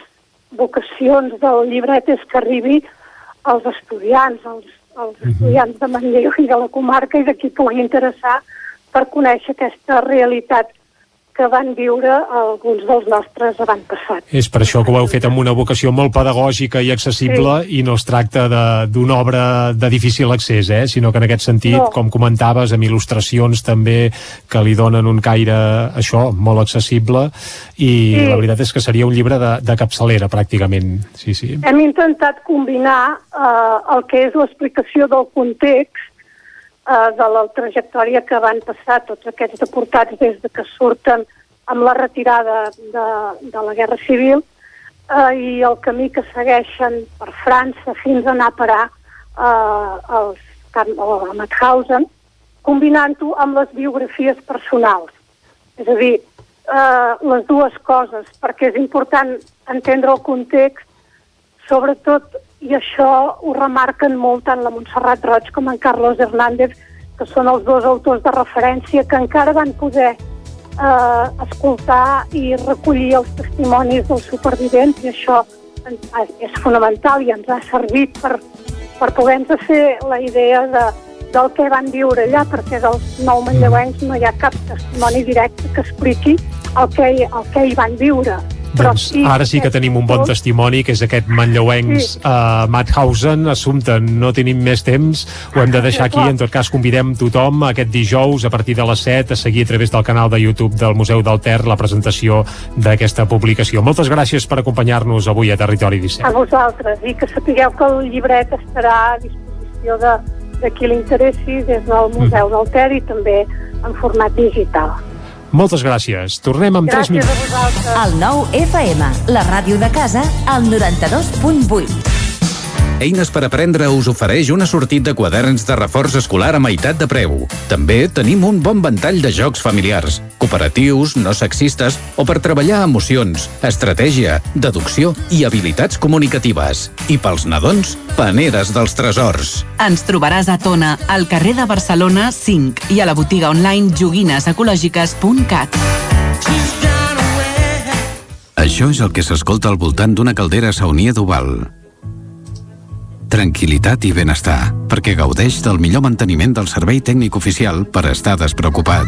O el que vulgui. Informis a Oficiat Nord trucant al 938860040. Saunia d'Oval, sempre al seu costat.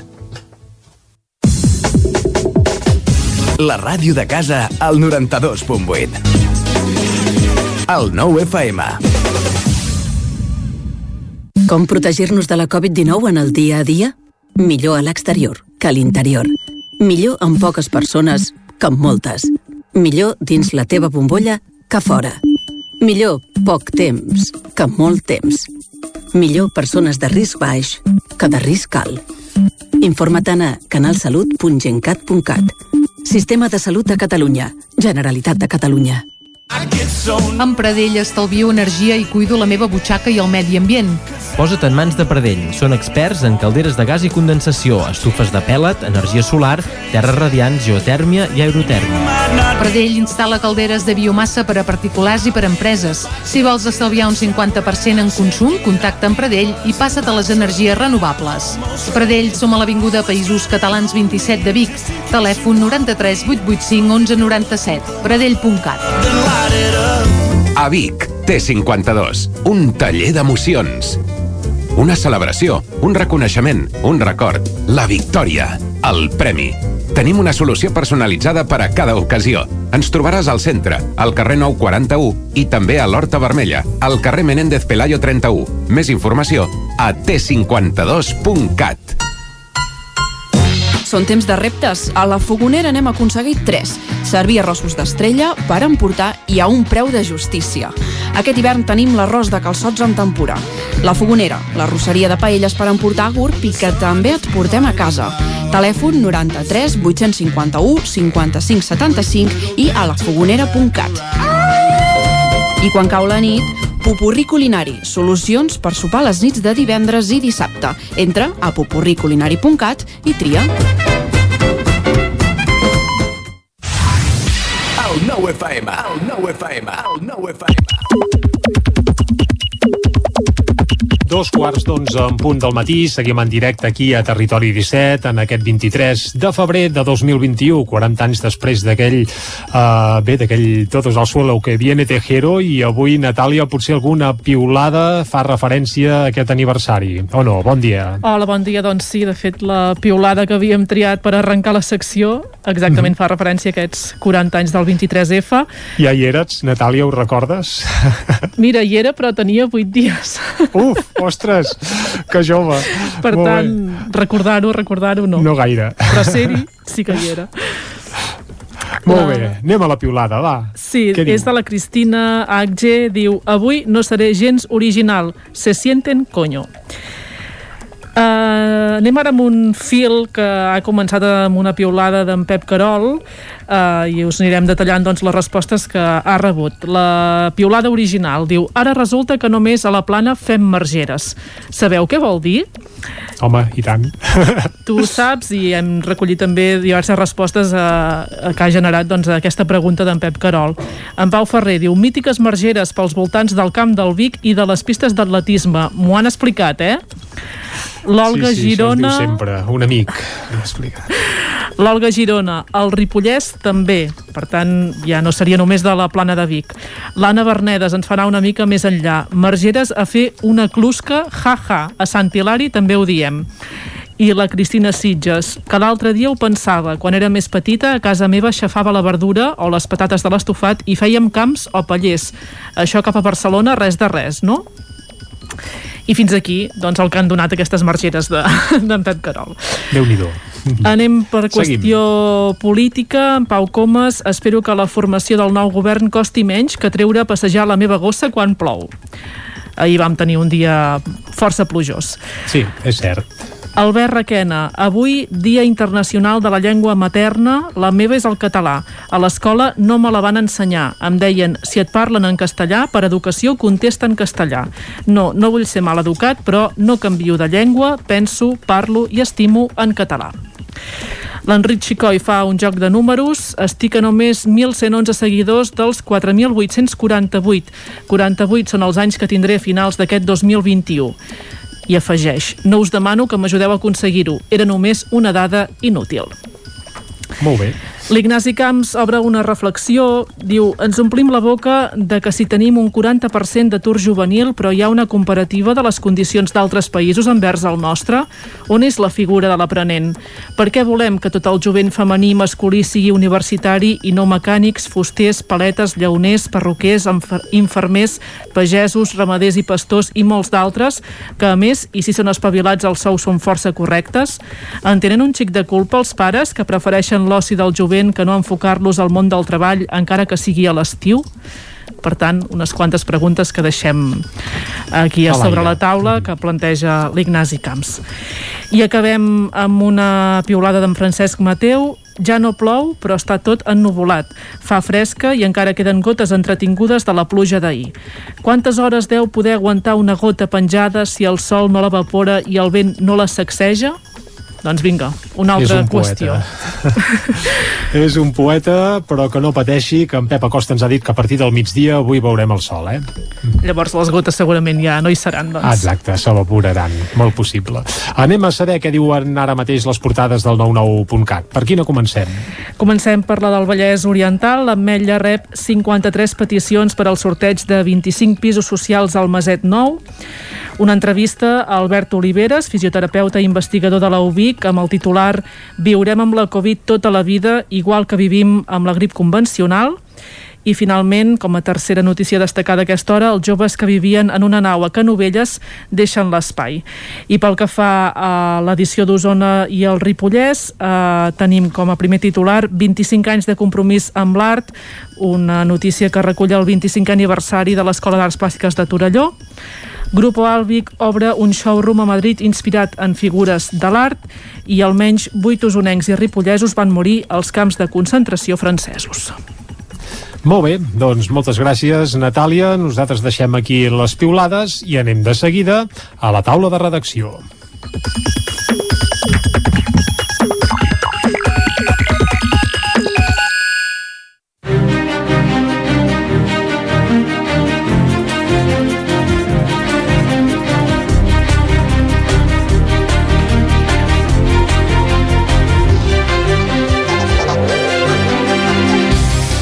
Avui a la taula de redacció ens hi acompanyaran el Guillem Rico i en Miquel R.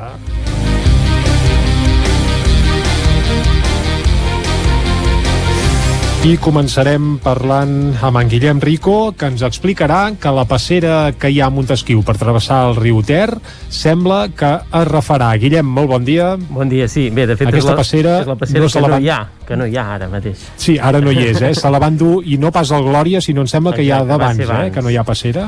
Va ser abans, va ser en els aiguats que en diem de, de l'octubre de, del 2018, Uh, va ser aquella riuada que també va inundar algunes empreses, que es van dur també altres coses, també va, va malmetre la passera de Manlleu, i el que no volen precisament a Manlleu és un... Ai, a Manlleu, a Montesquieu és una passera com la, com la de Manlleu. De Com fet, la de Manlleu.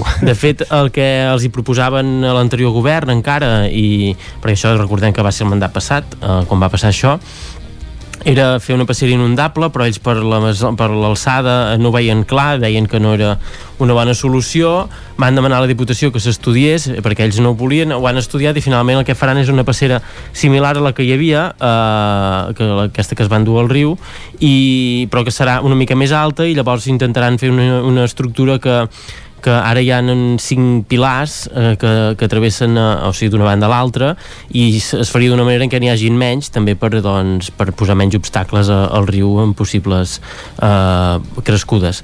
Um, que, eh, el que no saben encara és, és quan valdrà però sí que això que serà més alta. Al final havíem parlat amb l'ACA, l'ACA els deia que hauria de ser uns 3 metres més alta eh, no ho acaben de veure clar per tot la, el que suposava fer-la d'aquesta manera. Al final amb mig metre més deien que era suficient i també serà més ample eh, mm, la, diguem, la, la calçada, no sé com se n'ha de dir de, de, la, de la passera, per tant serà El peu, diguem, de la passera. eh? Els peus. els no peus, sé, sí, diguem-ne el terra de la passera serà més ample, eh, serà menys de dos metres i mig, eh, serà un, eh, i per tant doncs, eh, eh, també la gent hi passaran hi passarà més. I recordem que és això, és una passera per, per vianants que el que fa és que hi passa molta gent per anar fins al castell i també per els, els hortelans que hi han a l'altra banda que han d'anar a fer la volta per tot el castell i des de fa mm, dos anys eh, ho han de fer d'aquesta manera i encara ho hauran de fer almenys un any més perquè calculen que les obres puguin començar d'aquí un any aproximadament perquè ara s'ha de fer tot el va per llarg, projecte doncs, s'ha de fer el projecte, s'ha de licitar i tot eh, això si no hi ha inconvenients a principis de l'any que ve haurien de començar aquestes obres, encara no se sap el cost que, que poden tenir perquè s'està fent aquest estudi. Uh, sí que tenim un referent però que no és ben bé el mateix perquè mm, llavors no es va fer de nou sinó que es va fer una rehabilitació que és el 2016 de fet això feia, quan se la van dur riu feia un any i poc que l'havien que l'havien un any i mig aproximadament que l'havien estrenat eh, després d'una reforma que havia costat uns 100.000 euros uh, 108.000 euros havia costat. La passera es va construir l'any 83 s'havia reforçat el 2016 amb aquest, um, amb aquest cost de, de 108.000 euros però la pressió de l'aigua doncs doncs no ho va aguantar i es van dur aquesta estructura metàl·lica que, que, que tenia la passera se la van d'uns metres eh, més enllà de, del riu.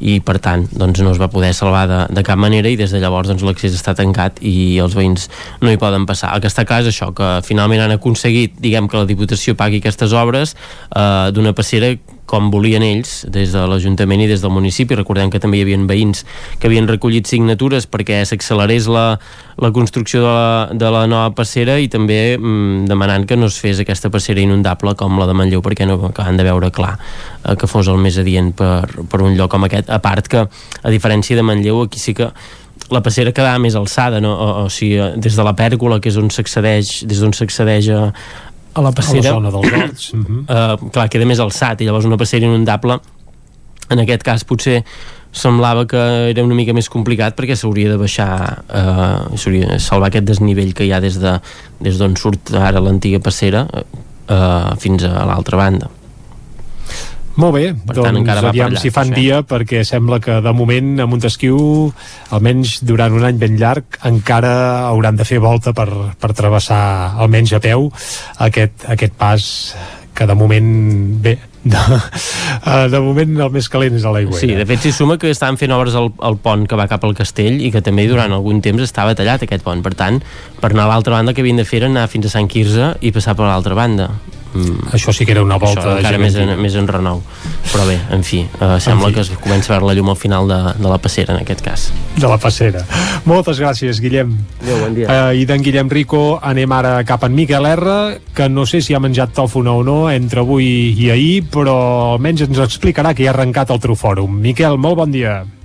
Molt bon dia. Doncs no menjar-la, ni veure-la, no? ni tocar-la, perquè aquest any tenim un fòrum, però tenim un fòrum eh, completament en línia, un trofòrum virtual. Tots els actes són en línia, eh? De fet, ens va arrencar ja aquest dilluns i això s'allargarà fins diumenge, però ja dic que l'haurem de viure eh, i l'haurem de mirar d'ensumar a través de, de la web que han creat, el trofòrum.com. Eh, recordem que és la quarta edició, eh, això té un caràcter internacional perquè estava organitzat per l'Institut Europeu de Micologia, i va haver una primera edició que es va celebrar a Saragossa i les dues últimes es havien fet a Vic, que havia funcionat molt bé, per això va repetir, i de fet Vic es postulava per poder ser ja seu definitiva d'aquest certamen i que no fos itinerant tal com s'havia venut inicialment. Això mhm. estava pendent, ja dic, perquè no depenia de Vic, depenia d'aquesta aquest, institució europea, en qualsevol cas, ha arribat en plena pandèmia aquesta quarta edició i el que s'ha fet és una fórmula eh, d'una banda en format estrictament en, en línia i de l'altra també s'ha repartit en diferents territoris. Vic eh, representaria, diguéssim, el que és Catalunya, però també s'està fent eh, a Castella i Lleó, a l'Aragó i, i a tres territoris d'Occitània, a França. Eh, es fa, diguéssim, cada, que cada territori agafi una de les setmanes de protagonisme i, diguéssim, que tots aquests continguts van quedant penjats a, a, la web. Què hi podem veure? Doncs eh, hi ha una mica de tot. Hi ha, mira, aquest dilluns al matí arrencava, per exemple, amb un taller d'anàlisi sensorial que van liderar des de la Universitat de Vic. Eh, hem tingut també ja les primeres sessions del que s'ha anomenat la cuina de la tòfona, un petit cicle que també vol ser un tast per diferents territoris de, de Catalunya.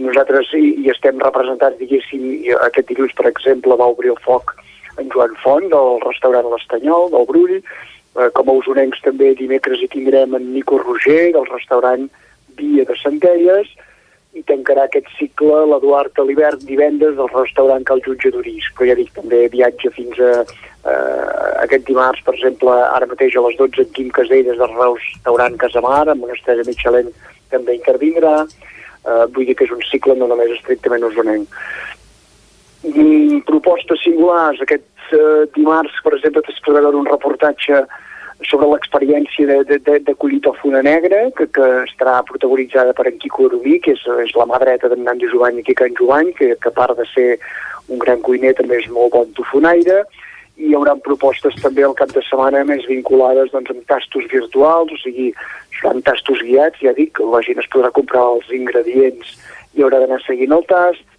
o també eh, de cara a dissabte hi haurà ja d'una manera més tècnica el que és el Congrés Internacional de la Tòfona amb, amb ponències ja molt més dirigides pels professionals de, del sector. Molt bé. Doncs, Miquel, moltes gràcies per acostar-nos l'actualitat d'aquest Trufòrum confinat. Uh, tant de bo l'any que ve es pugui fer ja una edició convencional i presencial i que puguem tastar les tòfones, que Correcte, bé, sempre van bé, sobretot per condimentar eh? certs àpats. És una miqueta més un assaig, perquè tal com van les coses, eh, també pot ser que eh, més endavant hi hagi formats mixtes, i sí que permetrà eh, fer un pas més decidit per la internacionalització del certamen, perquè sí que té aquest caràcter internacional, però fins ara no, no havia de passar excessivament les fronteres de, del país doncs ni que sigui gràcies al confinament, doncs altre fòrum que s'internacionalitza. Uh, Miquel, moltes gràcies. A reveure. Tanquem aquí la taula de redacció que avui hem fet amb Guillem Rico i amb Miquel R. De seguida anem cap al Buscat la Vida.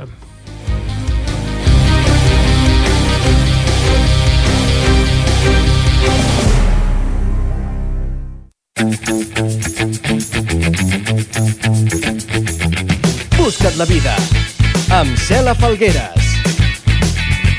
Doncs quan són gairebé tres quarts d'onze del matí arriba el moment del Busca't la vida com cada dimarts amb la Xela Falgueres aquí a Territori 17. Xela, molt bon dia. Molt bon dia a tots. Uh, ganes de tastar trufes, eh? I tant, home. Sí, sí, i tant. Sí, llàstima que això d'aquestes coses online no, no poden arribar a transmetre encara. Que ni l'olfacte, que diuen que és el més important de les tòfones, eh? Pel nas, eh, via telemàtica no ens arriba res. Una delícia, una delícia. Bé, com una delícia tot el contingut que us porto avui, perquè Home, avui també tant. estem en plans sostenibles eh, al nostre planeta i més enllà del nostre planeta, que, que veureu què parlem. Eh, D'entrada us porto una entrevista eh, espectacular amb en Jordi Joanós, que és director de la Fundació Plan for the Planet a Espanya, que ens explicarà què és i veureu que hi ha moltes relacions i a la conversa pregravada ho comentem amb, amb temes de sostenibilitat i de no hi ha planeta bé, però començat per una persona alemanya fa molts anys. Si us sembla, anem a escoltar aquesta entrevista amb en Jordi, que no té pèrdua. Som-hi! Doncs som-hi.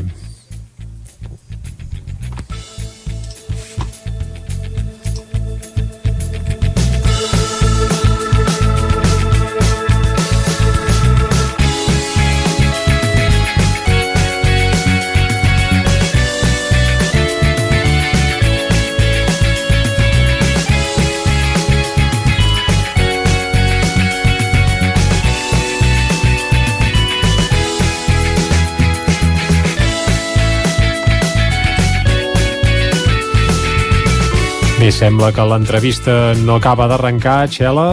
Uh, Provem-ho de nou.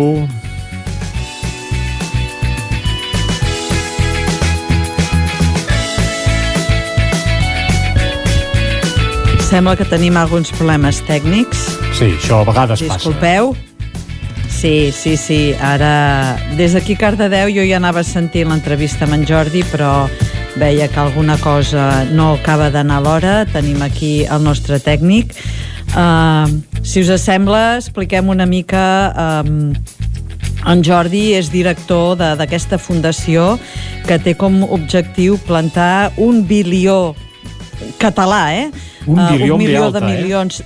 En B alta, sí, no el bilió eh, eh, anglosaxó, que són mil milions, sinó Mhm. un milió de milions d'arbres per revertir tot l'efecte eh, que estem fent de, diguem-ne, de, de la capa de, de, de. CO, de CO2 que estem provocant, no? Per, diguem-ne, per revertir tot el mal que estem fent en el nostre planeta. I, si us sembla, ens ho explicarà en Jordi Joanós mateix. Vinga, som ara sí a l'entrevista. Uh, Jordi, qui ets? Com et definiries? Qui és en Jordi Joanós? Bé, una persona normal que va estudiar als seus temps biologia, que no fet mai de biòleg, eh, no és biòleg, però que sempre ha treballat amb temes vinculats a, al medi ambient, a la sostenibilitat i a la relació amb les persones, a com vincular aquests dos, aquests dos mons a nivell, tant a nivell internacional com a nivell nacional. És la meva feina des de fa molts, molts anys i és la que m'agrada fer també. En el teu perfil de LinkedIn et defineixes com un broker social. Que, quina figura és aquesta?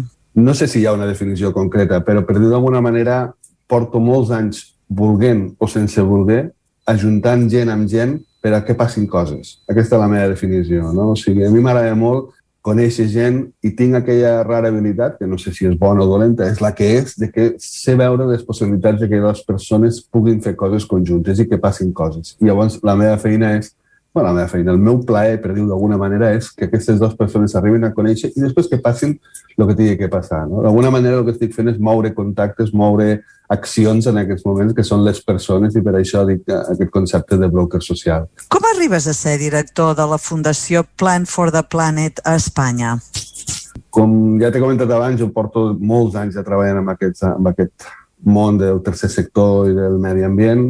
L'any 2010 o 2011, ja no recordo molt bé, mm, deixo de treballar amb una fundació llatinoamericana molt gran que portava molts anys treballant allà, torno cap aquí, cap a, cap a Catalunya i me trobo en un espai allà eh, en plena crisi de, de, de 2010-2011 i em tinc que reinventar una mica. No? I en aquest procés de reinversió començo a treballar en un projecte d'emprenedoria social que muntem amb altres companys a Barcelona i en el mateix temps em venen a buscar per d'alguna manera em convida a dinar el- l'actual president de la fundació, tal qual us ho dic, em, ven, em convida a dinar un dia i em convenç de que un projecte que té que veure amb una xarxa internacional de nois i noies, de nens i nenes, amb temes de canvi climàtic, d'emergència climàtica, i no puc dir que no. Amb la qual eh, aquella cosa que va començar com un dinar informal acaba esdevenint pues, una feina que porto fent ja des de fa set anys. Què és aquesta fundació? Sí, la fundació s'ha d'explicar una mica l'origen per entendre. No? La fundació la va crear l'any 2007 un llavors nen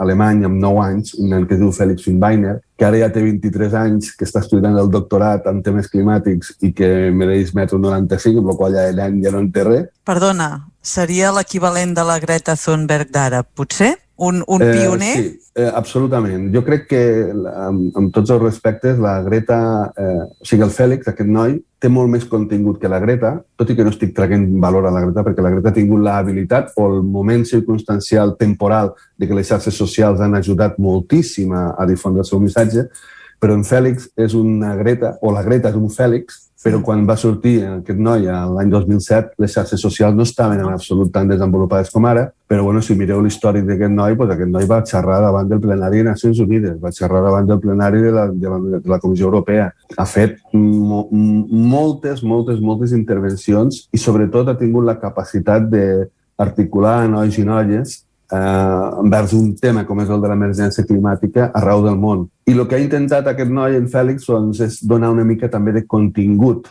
al treball, a la feina de l'organització que ell va ajudar a fundar. No?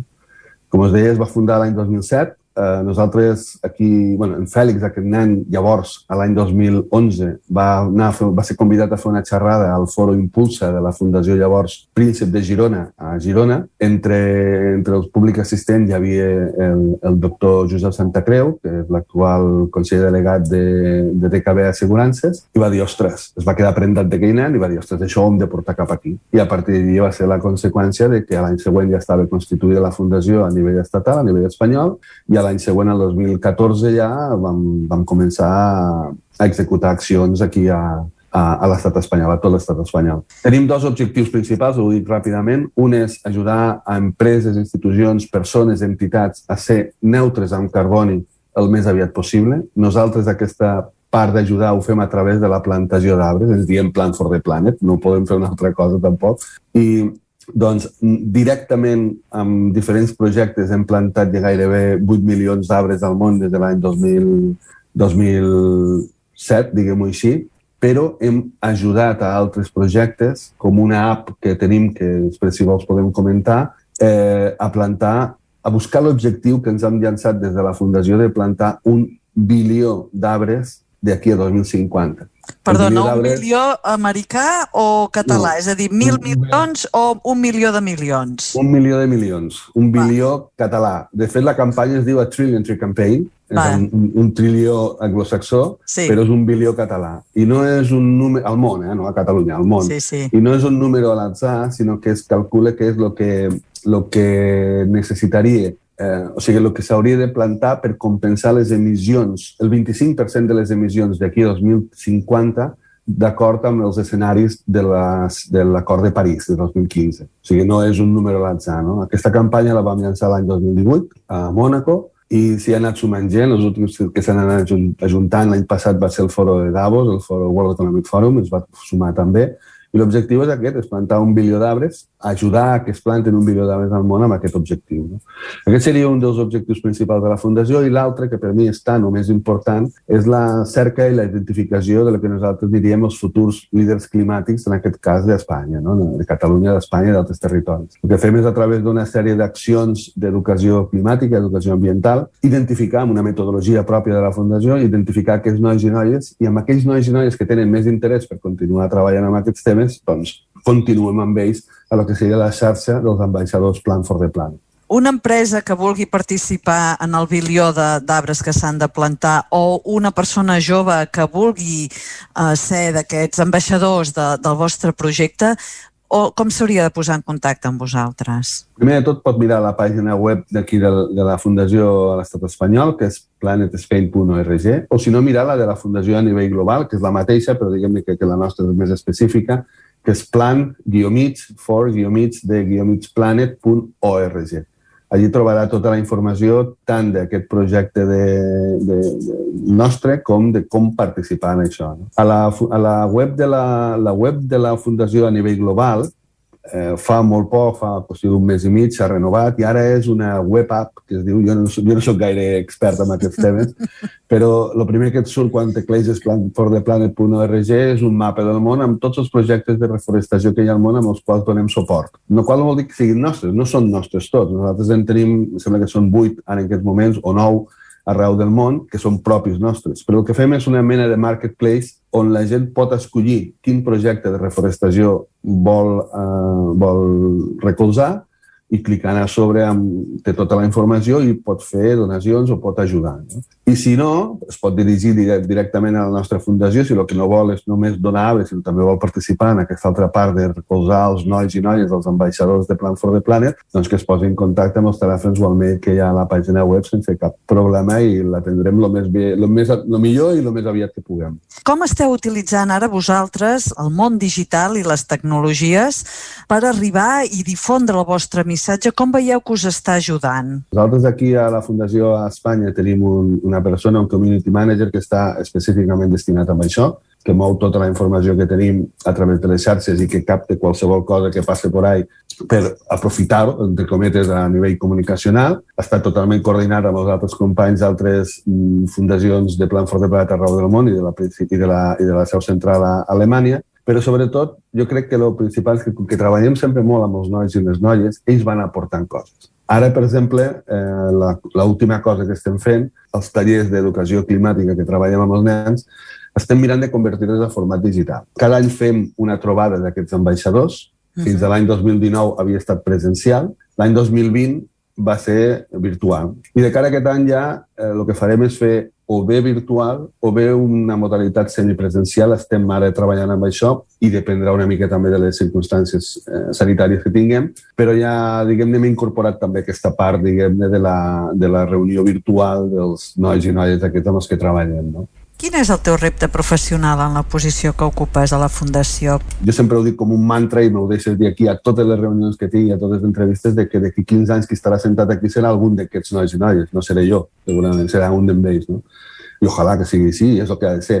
Llavors, treballar amb aquests nois, identificar-los, ajudar-los a que puguin desenvolupar les seves tasques el millor possible i que quan tinguin que prendre decisions, que tindran que prendre-les, les puguin prendre amb unes altres consideracions, per mi això és una tasca que, que és el que realment me mou a, a treballar amb aquest projecte pel que estem ara. Fes-nos unes pinzellades dels plans immediats de futur Mira, a Espanya. Estem... A Espanya, sí, sí. diguem-ne que és la part que domines. A Espanya ara estem treballant per la part de la reforestació, tenim tres projectes en marxa a Andalusia molt grans. Estem amb l'Ajuntament de Granada treballant en un projecte que es diu Anillo Verde de Granada, que tenim un objectiu de plantar 200.000 arbres d'aquí a 2030.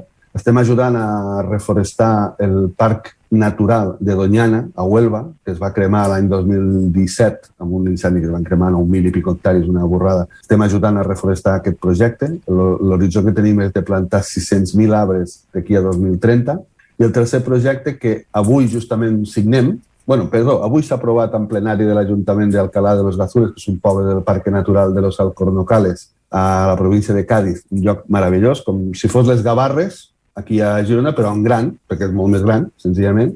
Allí tenim un projecte també per plantar 200.000 arbres més, 200.000 alzines sureres, per tal d'ajudar amb, amb un, una, hi ha una malaltia que li diuen la seca, que està matant moltes sureres i això està afectant a tota la gent que treballa en el sur, etc etc. I allí tenim també l'objectiu de plantar 200.000 arbres més d'aquí 2030. Si sumes els tres projectes, l'objectiu és que volem plantar com a mínim un milió d'arbres d'aquí 2030 a Andalusia com a contribució des de Plan for the Planet Espanya amb aquest projecte global del Trillion Tree Campaign, del milió d'arbres a nivell global. No? I a nivell de, de les acadèmies, doncs, els plans és començar una altra vegada a fer-les ni més ni menys. O sigui, la nostra expectativa en aquests moments és, amb tota la seguretat, hem desenvolupat pro pro protocols Covid, etc etc. a medida que es vagin liberant una mica les restriccions, tornar a començar a treballar amb els nois i noies perquè l'objectiu és reforçar i empoderar amb aquests nois i noies, els ambaixadors i ambaixadores per la justícia climàtica aquí a Espanya perquè puguin treballar. Aquest és l'objectiu. Jordi, moltíssimes gràcies. Fascinant descobrir que tenim gent que està vivint a Cardedeu, que està involucrat en projectes, amb una projecció tan impressionant. Moltíssimes gràcies pel teu A temps vosaltres. avui. Gràcies. Moltíssimes gràcies. Adéu.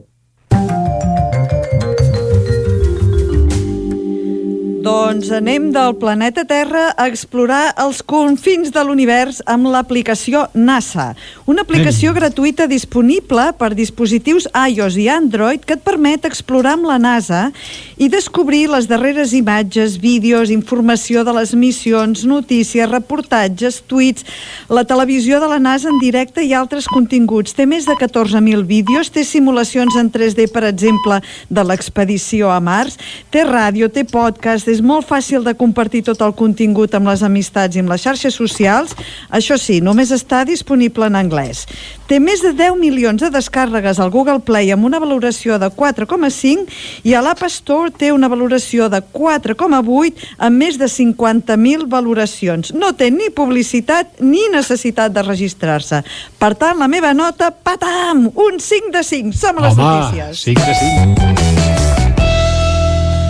Vinga, Notícies. acabem amb dos breus. Sí, Spotify anuncia la creació de Spotify Hi-Fi, una subscripció premium per finals del 2021. Aquests subscriptors podran escoltar música en qualitat de CD sense cap pèrdua en el so.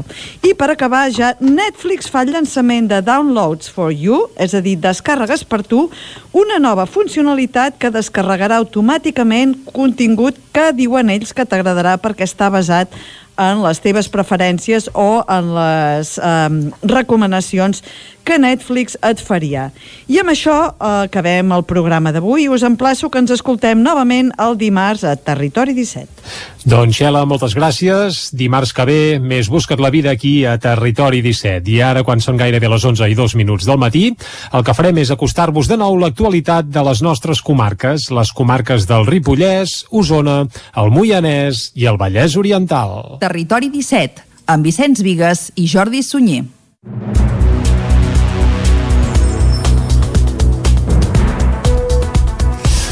Pràcticament el 80% dels casos de coronavirus que es detecten a Osona ja són de la soca britànica, mentre que a Catalunya la incidència d'aquesta mateixa soca és actualment d'un 32%. Segons han explicat el 9-9 fons de la regió sanitària de la Catalunya central, tot i l'efecte de la variant britànica, la situació epidemiològica a Osona no ha empitjorat bruscament aquest mes de febrer. Consideren que la comarca ha arribat abans el que s'acabarà imposant en les properes setmanes al conjunt del país. Entre els municipis amb pitjors dades actualment hi ha Sant Pere de Torelló, on s'han detectat 45 positius en 14 dies, i Manlleu, la setena ciutat catalana amb més mals indicadors, tot i que hi han millorat respecte a principis de mes, quan el risc de rebrot superava els 1.000 punts i la velocitat de propagació era de 1,56. Ara a Manlleu el risc de rebrot se situa als 560 punts i la velocitat de propagació a 0,80. Aquest divendres l'Ajuntament Manlleuenc i la regió sanitària Catalunya Central tenen una reunió per abordar possibles mesures. L'alcalde Àlex Garrido, que ha descartat nous cribratges massius, ha demanat que es contempli avançant la vacunació a municipis amb nivells de contagis tan alts. El sentim a ell i també a l'alcalde de Sant Pere de Torelló, Jordi Fàbrega s'inclogui eh, un element que no s'inclou eh, fins ara, que és l'element territorial. Eh, per tant, què demanem? Que aquells municipis que tenim més incidència doncs formem part d'aquesta estratègia de, de vacunació eh, de forma més ràpida que no pas a la resta. El que més ens indiquen és que la gent faci cas de les recomanacions mèdiques, de les recomanacions que hi han, aquesta setmana comença a Osona la vacunació a persones dependents i a les de més de 80 anys. D'altra banda, tota la comarca aquest dilluns consten 53 grups escolars confinats.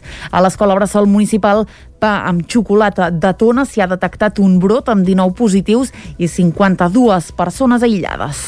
I parlant d'escoles confinades, al Ripollès ara mateix només n'hi ha una de classe confinada, amb un total de 17 persones. Isaac Muntades, des de la veu de Sant Joan.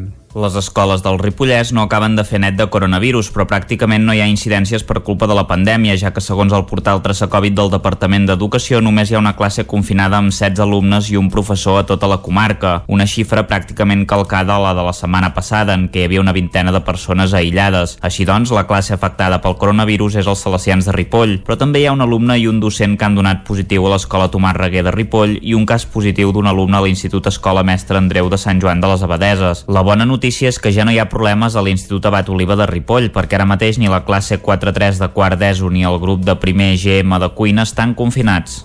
Malgrat que el Procicat ha decidit prorrogar una setmana més les mesures vigents, a partir d'aquesta mateixa setmana recuperen les activitats extraescolars als infants d'infantil i primària. A partir d'aquesta setmana també es podrà recuperar l'activitat als caus i als esplais. Aquest dissabte, l'esplai Wichi Wichi de Tona va sortir al carrer precisament per reivindicar la seva importància. Volem esplai o imprescindibles són alguns dels missatges que podia llegir-se a les pancartes que aquest dissabte van lluir pels carrers de Tona infants i monitors de l'esplai Wichi Wichi.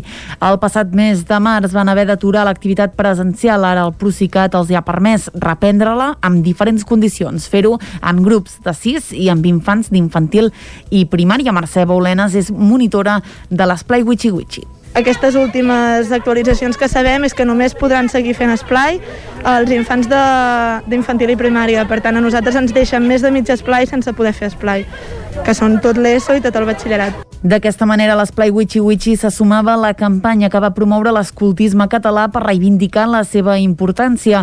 A Tona, la sensació és que arran de la pandèmia el sector del lleure d'infants i joves s'ha menys tingut. Sentim a Mercè Baulenes i a Maria Rifà, monitora també de l'esplai Wichi Wichi de Tona. S'ha posat eh, de manifest la poca consideració que ens té la, la, la societat actual i volem reivindicar això, que, que realment la feina que fem és molt important, que la necessitem nosaltres, la necessiten els infants i joves i la necessiten les famílies. Ho veiem ara perfectament, era interès d'empreses, de lleure sobretot, i de famílies que necessitaven portar els seus fills i, i com qui diu aparcar-los quasi ben un casal d'estiu i després sí que érem imprescindibles i ara quan és l'hora de nosaltres com a voluntàries estem portant la nostra tasca del lleure ara ja, no és, ja ara el lleure, del lleure ja en podem prescindir.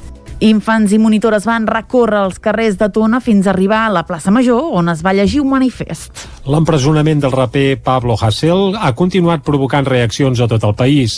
Aquest cap de setmana hi va haver protestes a Vic i a Manlleu.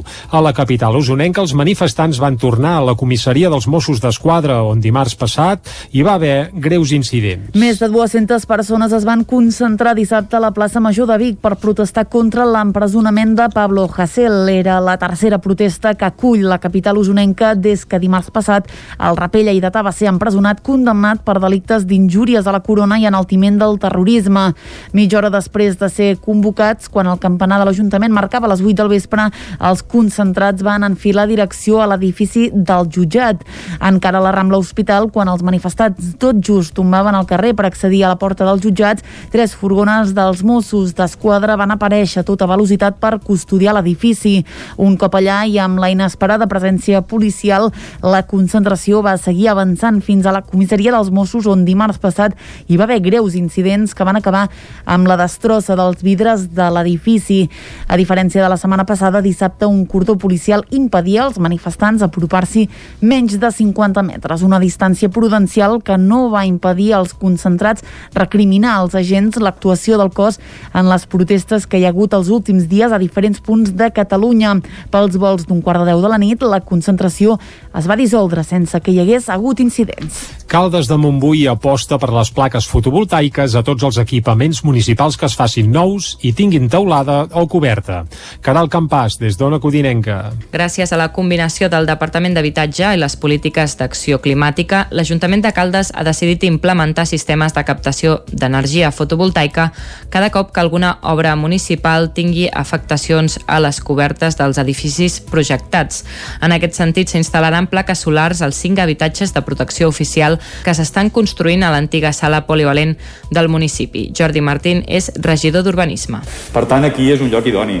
Aquí toquem coberta, perquè s'ha de fer alguns petits reforços d'aquesta coberta, i aprofitem per posar-hi 27 plaques de, per generar energia d'autoconsum per a aquests habitatges. A banda d'aquests, tenen altres iniciatives urbanístiques en marxa on també s'instal·larà aquest mètode de captació d'energia solar. Aquesta de, dels cinc habitatges, la reforma del pavelló de la Torre Roja, que comporta un major aïllament de la coberta, també porta una instal·lació eh, bastant més potent d'energia, estem parlant allà, estem parlant de 48 quilowatts, i properament eh, en farem una aprofitant també eh, una reforma que farem una coberta allà a la zona de les cremades també. Les tres obres s'implementaran durant el 2021, ja que ja estan pressupostades i adjudicades. Mònica Torra és la narradora que divendres va ser el cicle Divendres de Contes que es fa a Cardedeu, ara en una nova ubicació. David Oladell, de Ràdio Televisió Cardedeu.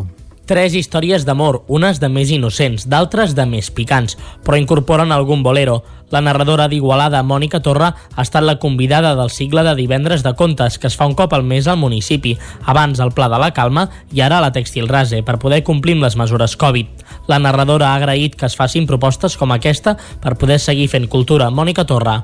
Sembla, I em sembla molt bé que amb els temps que corren que es, que es mantingui, que més veig que hi ha que té molta resposta, no? que el públic ja deu estar acostumat a anar a aquestes sessions i això és fantàstic, perquè si els espais són correctes i es fa tot bé, que, que es fa, doncs s'ha de seguir fent cultura. I la narració forma part de les arts escèniques i de la cultura de tots, i, i em sembla molt, molt bé. Molt valent i, i, i, molt, i molt positiu per tothom, perquè quan sortim d'aquí segur que tots sortim amb les piles carregades. El cicle de contes va començar a l'octubre en aquesta nova ubicació i encara que no té el mateix encant que l'Altell del Pla de la Calma, té molt bona rebuda per part del públic. Alicia Molina, organitzadora dels divendres de contes. ens ha caigut a sobre, doncs vam haver de buscar ràpidament una ubicació nova. L'Ajuntament ens va oferir la sala que reuneix mm, totes les condicions de seguretat per poder a través de la reserva que, que la gent pugui fer, això sí, des del cardamots, no? arroba gmail, doncs nosaltres eh, fem la juntada de cadires per bombolletes familiars amb la separació entre unes i altres i bueno, tothom s'ha sentit molt còmode, les ganes de sortir hi són i el respir que això suposa i aquesta, aquesta sessió, una horeta al mes no? d'explicar-te històries i tothom ha vingut i sempre hem omplert. La veritat és que estem molt, molt contents. Un nou espai però un públic fidel que es reuneix un divendres al mes per rebre la seva dosi cultural de contes. I fins aquí el butlletí informatiu que us hem ofert, com sempre, amb les veus de Clàudia Dinarès, David Auladell, Caral Campàs i Isaac Muntades. I ara, abans de parlar d'economia, recuperarem la informació meteorològica. Ens la costa, com sempre, en Pep Acosta.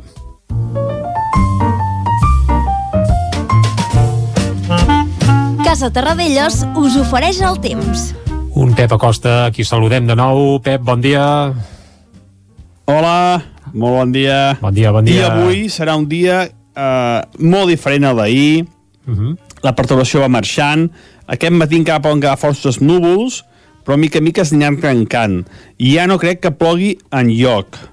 I, la, I de cara a migdia, a la tarda, ja fins i tot el sol serà el protagonista. Només quedarà una mica de núvols prims, una mica de mala visibilitat, però anirà marxant. Eh? Tot, eh, L'anticicló es anirà fent més fort al centre d'Europa, serà un anticicló bastant potent que ens afectarà gairebé tota la setmana. Uh, les temperatures màximes pujaran. Ahir no va fer gaire fred, però clar, a l'haver-hi núvols, ploure, les temperatures no van passar dels 13-14 graus a la majoria de les poblacions. Avui ja trobarem valors de 15, 16, 17, fins i tot algun 18 graus a les zones més càlides de les nostres poblacions. I farà que els pròxims dies la temperatura mm, hi hagi més contrast tèrmic entre el dia i la nit.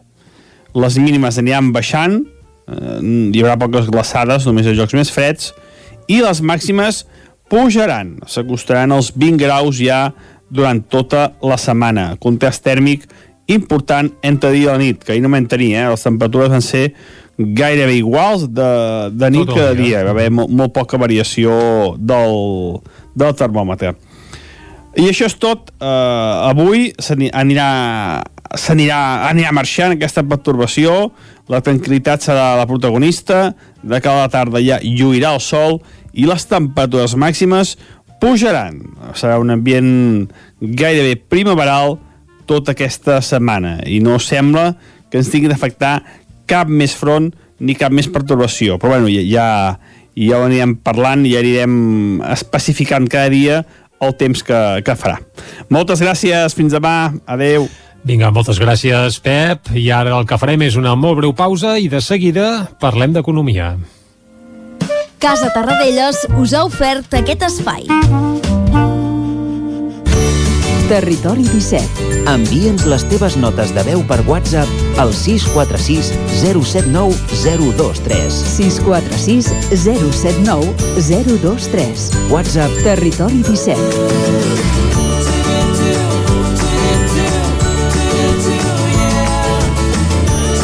Territori 17. Som a Facebook, Twitter i Instagram amb l'usuari Territori 17.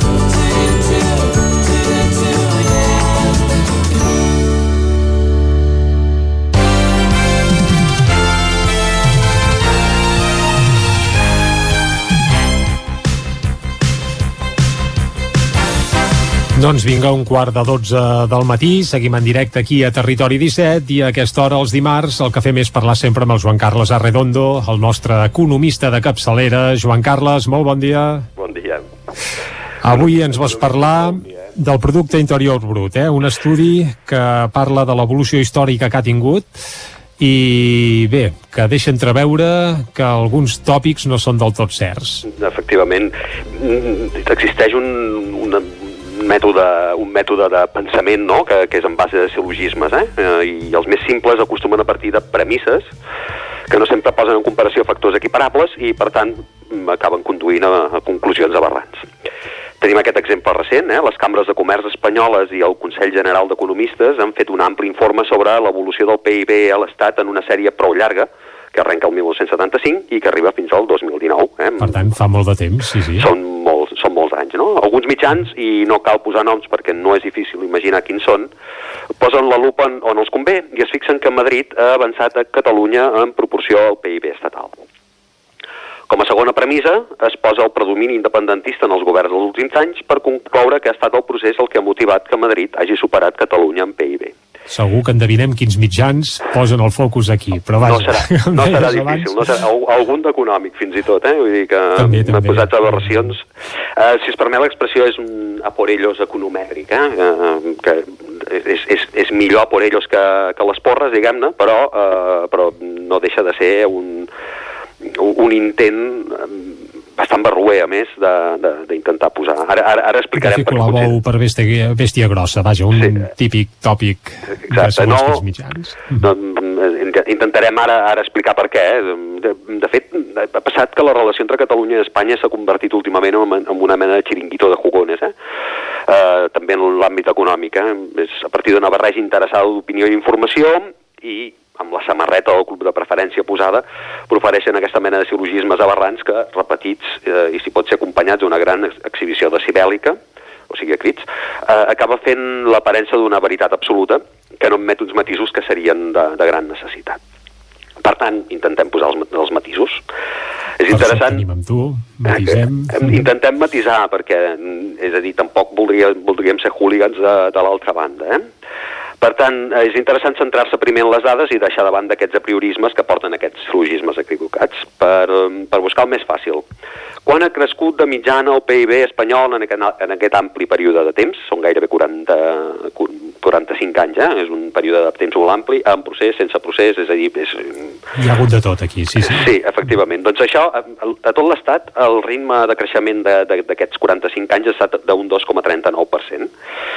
A Catalunya ha sigut d'un 2,4%.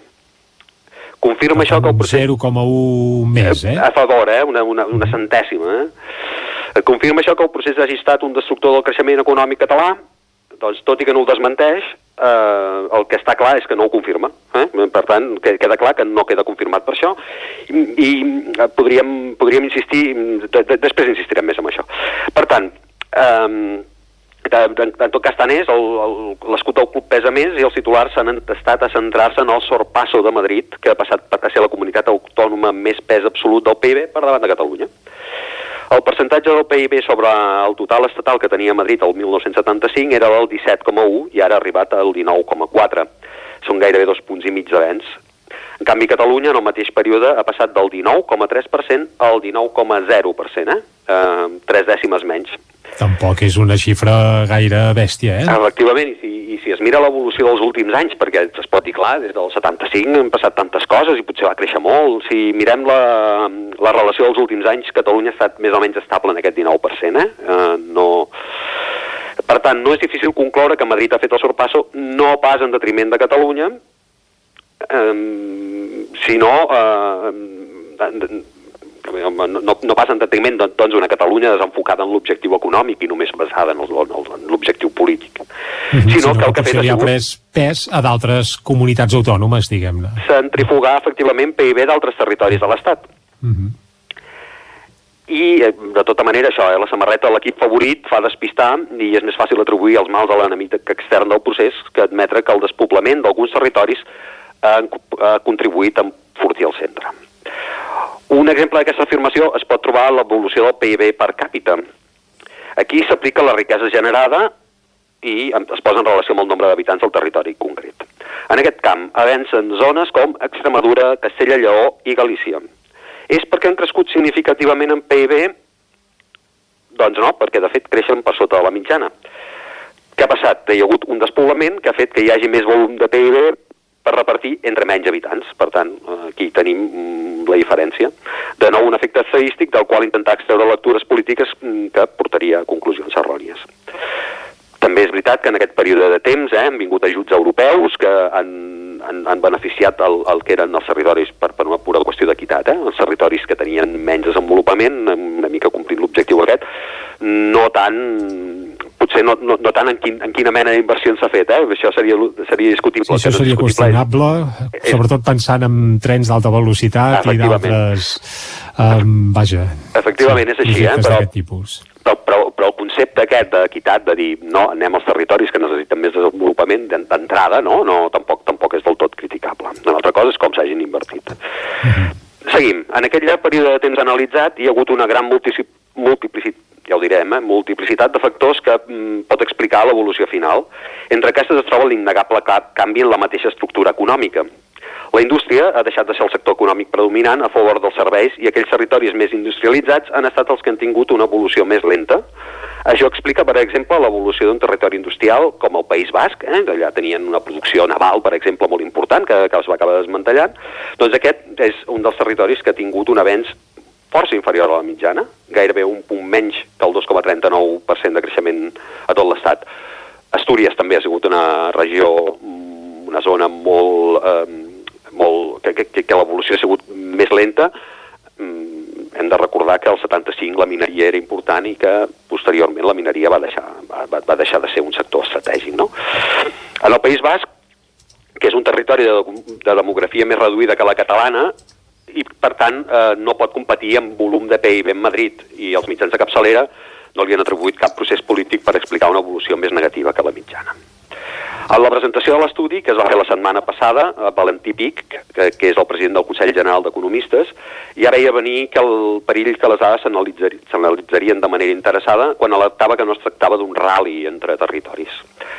PIC reclama, en canvi, millores en una productivitat que continua creixent per sota del que seria desi- desitjable, en taxa de, també millores en la taxa de fracàs escolar que hi ha, que encara és massa elevada, i en la introducció de la digitalització, conceptes tan poc compatibles amb la percepció binària de guanyadors i perdedors que continua presidint massa anàlisis. La Catalunya del procés no és un paradís i la paràlisi que es podria considerar que ha tingut un govern amb prioritats més enllà de, de la, que, que, que ha tingut poques prioritats més enllà de la política, deu contribuir més aviat poc al desenvolupament de l'economia, eh? però tampoc és l'infern que pinten alguns abonats a l'exabrupte i a les explicacions simples. El seu tan desitjat sorpasso té explicacions que són més complexes que el procés. I ara volia posar un exemple de, mm, probablement, eh, no, només, eh, un, com diuen, una flor no fa estiu, eh? Però ara mateix acabem, sempre, sí. acabem de publicar a la web de, del Vallès Oriental eh, que Danone, és una multinacional important, ha invertit 12 milions d'euros per començar a desenvolupar, mm, diguem-ne, no són iogurts, eh, perquè els iogurts són de llet, però per començar a, desenvolupar una línia de productes en base vegetal, eh? avena, coco, etc. I aquesta inversió de 12 milions d'euros, aquesta multinacional francesa que té tres plantes a l'Estat, quatre, perdó, en té a Madrid, en té a Astúries, en té, en té a València i en té a Parets, aquí a Parets del Vallès. Eh, doncs la inversió ha vingut a Parets del Vallès. M'imagino que aquesta inversió mm, no deu haver tingut del tot, s'ha portat a terme malgrat el dimoni de, del procés. Només és per intentar donar alguna notícia esperançadora, no? també, que és important en aquests temps que hi hagi notícies esperançadores i que es vegi que la, de, determinades inversions, fins i tot de multinacionals tan importants com Danone, no, diguem-ne que es, es, es, es desenvolupen amb independència de, de quin context polític i tan, tan, tan dolent com el pinten que, que, que, hi, hagi, que hi hagi aquí a Catalunya. No? Crec que és una inversió important aquesta. Mm -hmm. Doncs està bé que ens ho expliquis i que més eh, ens situïs tot plegat posant exemples com aquest d'aquesta fàbrica de parets eh, que evidentment ja no es dediquen només a fer llagurs perquè no. el negoci s'amplifica. Sí, bueno, ells volen entrar una mica en, en, en una nova tendència del consum, no? Uh, però per, per entrar en aquesta nova tendència del consum han triat, han triat a invertir a Catalunya, de manera que no, potser això no es traduirà en grans creixements de, del PIB. De tota manera és important, eh, sobre això del PIB, aquest creixement constant de Catalunya, perdó, aquesta situació constant de Catalunya en un 19% del PIB, uh -huh. i en canvi li pinten com si fos una cosa dolentíssima només que Madrid hagi fet el sorpasso potser estem veient Castella, Castella-La Manxa, Castella-Lleó... Que Castella s'està despoblant i en gran part és perquè tot el pes industrial, segurament part del sector serveis i fins i tot l'agrícola, per què no dir-ho, doncs eh, n'està anant cap a la capital. Clar, és, és una mica de centrifugació i, i de fet Castella, Castella-Lleó és una de les comunitats que menys creix i aquí no se li pot atribuir que tingués un passat industrial que s'estigui desmantellant, etc. no?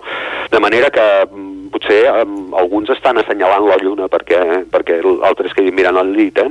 Mm, no sé, és, és una reflexió que, que se m'acut, de tota manera, com que estic dient que s'han de, de um, cuidar bé les dades, mm -hmm. no disposem de prou dades com per assenyalar una cosa així, per tant no, no caurem en el mateix parany. El que sí que ens queda clar és que si Catalunya ha perdut alguna dècima en el marc del PIB espanyol no és per culpa del procés. Joan no Carles, moltes gràcies no per acompanyar-nos. Molt bé, gràcies a més aquí a Territori 17.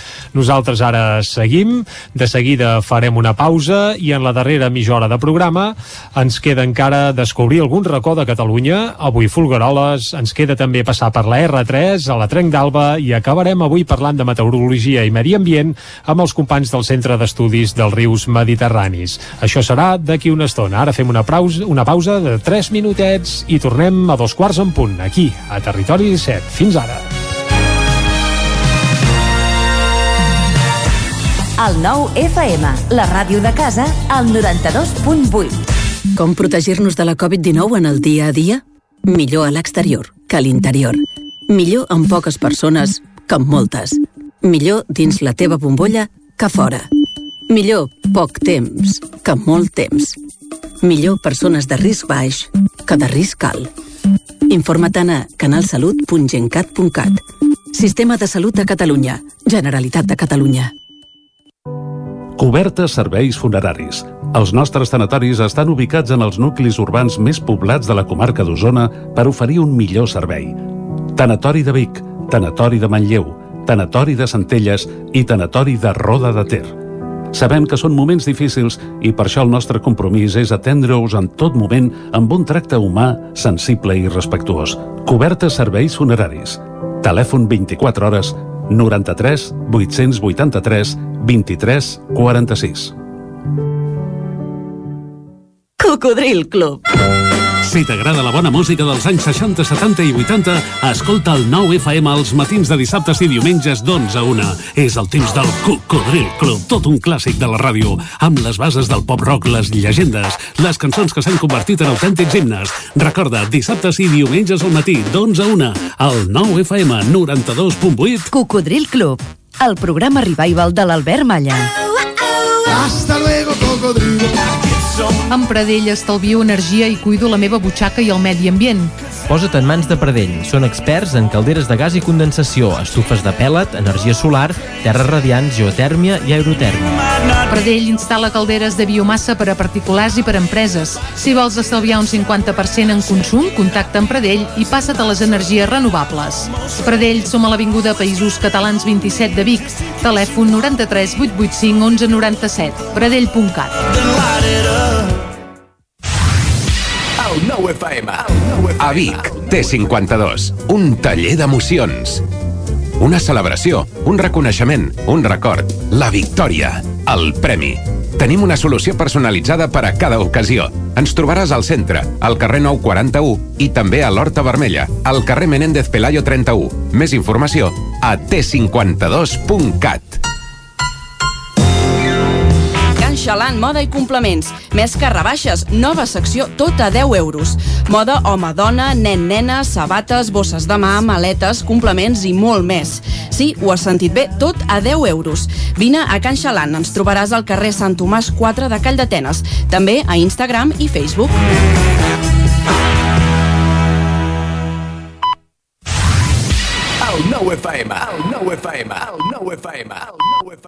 Territori 17 Thank you.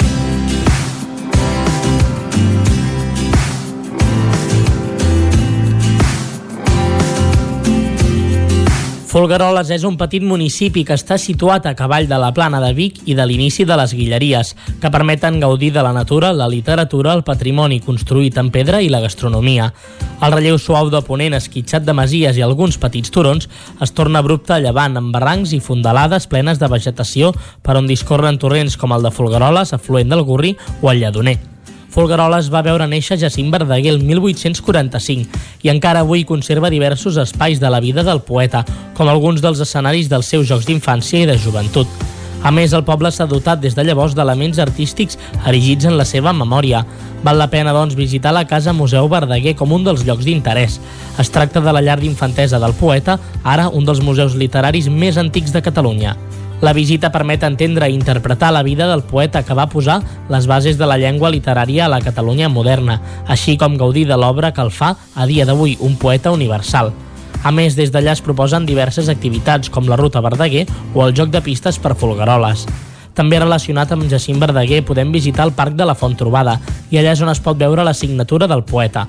El que trobem és el nom escrit a la llera del Torrent, una intervenció creada per l'artista Pere Jaume el 2002, al centenari de la mort de Verdaguer.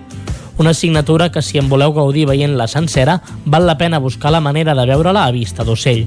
I abans de deixar Verdaguer a banda, tingueu en compte que també podeu visitar el jardí situat al costat de l'ermita de la Damunt, el jardí poètic Brins d'Espígol. En aquest jardí hi trobem el poemari de Verdaguer convertit en motiu vegetal. El jardí consta de 29 plantes ordenades alfabèticament que es corresponen amb els 29 poemes de Verdaguer. En una bústia del jardí hi ha el llibre homònim de Verdaguer per poder-lo llegir in situ. A Folgueroles podeu visitar també el Dolmen i Sant Jordi de Puigsesolles.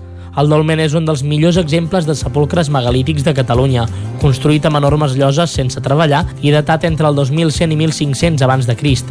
La capella, situada en el mateix turó, va ser edificada el 1477 i reformada i ampliada el 1883. El seu valor històric prové del fet que hi va celebrar la primera missa el poeta Jacint Verdaguer i del fet que és una de les poques esglésies dedicades al patró de Catalunya. I acabem amb el casol de Puigcastellet, una fortificació situada en un dels primers turons alçats de les Guilleries, des d'on es controlava l'accés natural entre la plana de Vic i les terres baixes gironines seguint el curs del Ter. La fortificació respon a un traçat urbanístic preconcebut, que per la seva tipologia s'anomena fortificació de barrera. Està formada per un gran pany de muralla rectilínia, amb una torre central adossada i a l'interior 11 murs que compartimenten àmbits destinats a habitatges o magatzem.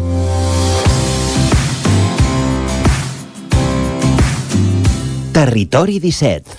I a Folgueroles, a pocs quilòmetres de Vic, comença a sortir el sol, tal com ens ha dit en Pep Acosta, durant el dia d'avui la cosa s'anirà desemboirant i acabarem tenint un dia assolellat i gairebé primaveral.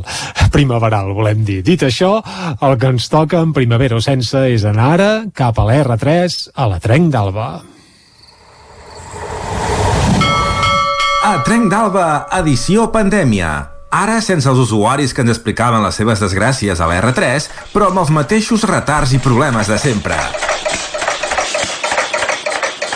Benvinguts a Tren d'Alba. Doncs va, aquesta setmana us explicaré en detall l'article del diari públic titulat El tren suspèn a Catalunya el transport per ferrocarril s'està desmuntant. Aquesta publicació, evidentment, parla de com de malament van els trens, que no és cap novetat, però en recull alguns testimonis interessants. En primer lloc parla amb en Josep Casador, que viu a Mora la Nova, a la Ribera d'Ebre, i diu que durant 14 anys feia cada dia 100 quilòmetres amb cotxe per arribar al seu lloc de treball a Tortosa. Aquests viatges li sortien molt cars, perquè al final del mes li suposaven una despesa de 400 euros. El tren li hagués sortit millor? Doncs no, perquè un trajecte que amb cotxe era d'uns 45 minuts, amb tren se li havien de sumar dues hores més als 3 quarts d'hora inicials. La única opció que li quedava era marxar. Casador és el portaveu de la plataforma Trens Dignes Terres de l'Ebre Priorat i delegat territorial de l'Associació per a la Promoció del Transport Públic i va denunciar la falta de planificació del transport públic a les Terres de l'Ebre i ho atribueix, en part, al fet que és un dels territoris sense autoritat territorial de mobilitat, una ATM. En canvi, sí que en tenen l'àrea metropolitana de Barcelona, Lleida, Girona i el Camp de Tarragona, però també en reclamen una per l'Ebre, la qual hi hauria de ser segons la llei de mobilitat de la Generalitat de l'any 2003. En fi, ja ho veieu que l'R3 no és l'única línia que va malament a Catalunya. El problema està cronificat arreu. Va, ens retrobem demà i us expliquem més històries de la R3.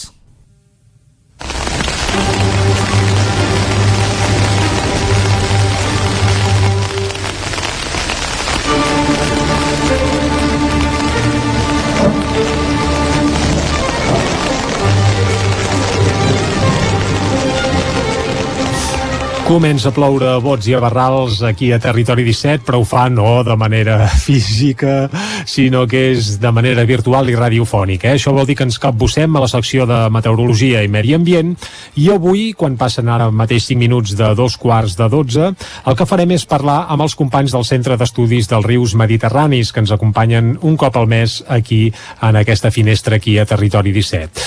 I és que fa uns dies que el Centre d'Estudis, precisament dels Rius Mediterranis, ja va fer públic el resultat de l'estat ecològic dels cursos fluvials a la comarca d'Osona el 2020.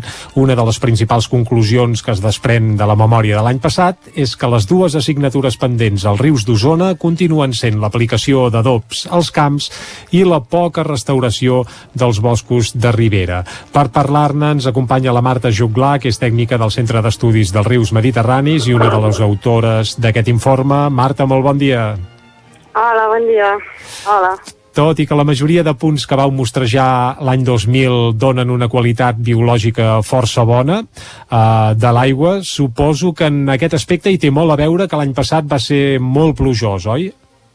Sí, exacte. Una mica la que hem vist aquest any amb la tendència comparat, evidentment, doncs, amb l'any passat i, mm -hmm. i amb tota la sèrie de dades que tenim de d'altres anys és que ha millorat, la qualitat biològica ha millorat a la majoria dels punts, uh, tots els paràmetres que hem estudiat han anat millorant i tot plegat, però i també es deu molt doncs, això, doncs, perquè el 2020 ha estat un any molt, molt plujós. Bueno, tots ens per sobre la mitjana, no, i tant. Mm. Vull dir, ha estat un any que sobre la mitjana climàtica normal i de precipitació ha estat molt més plujós i sobretot en comparació al 2019 que va ser un any molt sec. Llavors això doncs, atribuïm a realment aquesta millora de, a, a part segurament d'altres factors eh, que, que poden influir també però aquesta millora doncs, tan substancial de, de qualitat. Sí. De tota manera, ja ho hem dit a l'inici, que hi ha un parell d'aspectes que no acaben de rodar fins. Un seria que heu detectat que encara hi ha un excés de nutrients, vaja, bàsicament de nitrats, Exacte. i no sé a quins nitrats. punts seria pitjor això. Clar, el, el que passa, o sigui, sembla contraproduent, però una mica el, el que passa amb els nitrats, o sigui, de la mateixa manera que l'any passat dèiem que hi havia una mica d'augment de la resta de nutrients, que era de nitrits, fosfats, i també de nitrats, el que passa en un any plujós és que els nitrats tendeixen a augmentar mentre que la resta de nutrients tendeixen a diluir-se. És a dir, tots els nutrients que l'any passat trobàvem doncs, que eren una mica més elevats aquest any doncs, han quedat més diluïts per aquest efecte doncs, que els cabals han augmentat i que hi ha hagut molta puja, però els nitrats passen una mica l'efecte invers en anys uh, molt humits, perquè uh, tot el que és uh, la pluja deixa els camps molt humits i llavors els camps on hi ha excés d'adobs, no?, uh, acaben produint més nitrats que acaben arribant uh, al riu, per dir-ho així. I llavors uh, tots aquests uh, nitrats que arriben al riu doncs, per, la, per la correntia dels camps i tot això acaben augmentant doncs, el, el, el nivell de nitrats del riu. Que no, sí. O sigui que tenim... Digues. No, no, digues, digues. No, dic que això, que tenim nitrats del riu um, és un problema, però no tant per la fauna, no, no tant per el que són els peixos, per els macroinvertebrats, etc. Vull dir, no és un problema de que sigui molt tòxic el riu, però sí que és un problema a l'hora del consum humà, no? Els nitrats per nosaltres o trobar aquests nutrients molt elevats del riu, doncs a l'aigua de consum sí que és un problema. Uh -huh. uh, parlem una mica de, de punts concrets, perquè ja m'imagino que l'afectació, sobretot ara que ens centrem en els nitrats, no és la mateixa que hi pot haver el riu Ter, que el Gurri, que el Meder al seu pas No, per Vic clar. o que algun torrent. On és que ho tenim pitjor? A veure, que tinc les dades aquí. Mira, els nitrats aquest any han sortit uh, bastant alts doncs, on són el torrent de Rimentols, per exemple, que és just abans de, on s'hi aboca uh, la, la depuradora de Vic, i després Que també el desemboca el Gurri, eh, el Rimentol? Sí, exacte. Abans de la desembocadura del Gurri, doncs, uh -huh. tenim un punt de mostreig, no?, que és allà on desemboca també, o sigui, el, les depuradores de Vic desemboquen el Rimentol, que desemboca el Gurri. Doncs allà hi ha un punt de mostreig i allà els nitrats han sortit elevats, i també el Gurri. El Gurri després eh, al polígon de Malloles i també eh, abans del pont de, eh, del pont de l'eix transversal de les T25. També allà també ens ha sortit bastant elevat. Llavors, clar, aquests valors és on ha sortit pitjor, eh, també, després d'aquests valors en comparació del que diem amb el Ter, que és un riu molt cabalós, que dilueix molt, això no té mai tant efecte com a rius de, de, de cabals, rius de torrents de cabals inferiors com són el, el Rimentol, el Mader o, o el Gurri. Vull dir que, clar, té molt més impacte en aquests, en aquests rius afluents. Uh, a part de la qualitat de l'aigua bé dels nitrats, hi ha un altre aspecte on també volíeu incidir, que és en el bosc de ribera, o els boscos que hi ha al costat del riu. Uh, Sí. Dieu que la seva qualitat es manté més o menys estable respecte d'altres anys, però hi ha Sí. força mancances en aquest sentit, oi, encara? Clar, el que anem veient nosaltres cada any fem un seguiment, o sigui, tots aquests punts de mostreig que tenim, que en total són 10, uh -huh. cada any fem el seguiment de, del bosc de Ribera. Això es fa una avaluació amb un índex, uh, l'índex de qualitat del bosc de Ribera, que es fa un cop a l'any, si nosaltres el mostreig el fem a la primavera i a l'estiu, però aquest, aquest índex només uh, l'avaluem un cop, perquè evidentment de la primavera a l'estiu no canvia, vull dir, no hauria de canviar, no?, un bosc de Ribera estable, i llavors això tenim dades per cada any. Uh, costa molt veure una evolució uh, molt recent també del Bosc de Ribera, però sí que és veritat doncs, que a Vic, uh, sobretot uh, uh, en aquests punts, que a més a més fem una avaluació especial per l'Ajuntament de Vic doncs, dels punts del que són uh, del Mader, perquè aquest any ens ha tocat, bé, hem fet el Mader, no? I llavors sí que es veu una mica una, una degradació del bosc de Ribera, no? que és lògic, però també fem molta incisió doncs, que uh, l'Ajuntament de Vic ha fet molts, molts esforços de millora del bosc de Ribera, s'han s'han fet moltes mesures de gestió, uh, inclús de replantació de- d'arbres, també es va fer una replantació a, allà a la, a la passera de Genís d'Antela, l'antiga passera, allà, o sigui, més avall de l'Atlàntida, Correcte, no sé si situats. us ubiqueu ara, sí? Vale. Uh -huh. Clar, llavors aquí nosaltres al canvi veiem una millora d'aquest bosc de Ribera perquè aquest índex ens puja, però clar, no és suficient encara amb el poc temps que s'han fet les mesures. Per això diem que també és un exemple molt clar a seguir de, de que si es fan millores aquest índex puja, per tant trobaríem un bosc de Ribera molt més uh, madur i que alhora això ens, aju ens ajudaria a amortiguar tots els efectes d'aquests nutrients que parlàvem, no? perquè fa d'un filtre difús de nutrients i un riu amb un bosc de Ribera dens i madur i funcional, doncs evita molt que tots aquests nutrients arribin a, al riu. Clar, quan parlem de bosc de ribera, sovint també es parla eh, de la necessitat de fer neteja dels vorals del riu, perquè quan hi ha riuades doncs no hi hagin embossades i s'hagin de lamentar efectes després d'inundacions, etc etc. No sé en aquest Clar. sentit quina és la manera òptima de gestionar-ho tot plegat. És, és complicat, és complicat. I a més en trams urbans encara es deu complicar més. Clar, Clar. clar, clar. Vull dir, en trams urbans sempre s'ha de mirar d'arribar a una entesa doncs, el que són amb ajuntaments i llavors amb l'ACA i amb el que uh, uh, la gent que treballem en aquest sector creiem que hauria de ser.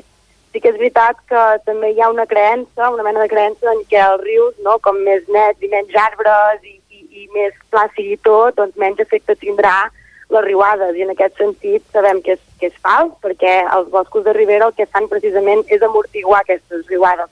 Ens hem d'imaginar els arbres que amb les seves arrels fan com de, de, no sé, sempre quan explico als nens que venen a fer tallers, eh, jo m'imagino com una mà que agafa aquell tros de terra, no? I llavors aquestes arrels fan aquesta funció de d'agafar la terra que hi ha a banda i banda del riu, per tant, en un efecte de riuada, tot aquest sediment queda atrapat per l'arbre i no s'anirà riu avall, que tant et pot taponar el sediment i la sorra i les graves que baixen com un arbre. Llavors, com més arbres, més amortigua aquest efecte de riuada. No sé si m'explico del tot, eh? T'expliques, però molta gent no ho té entès així, eh? A vegades, si no, més arbres, s'encalla, fan preses...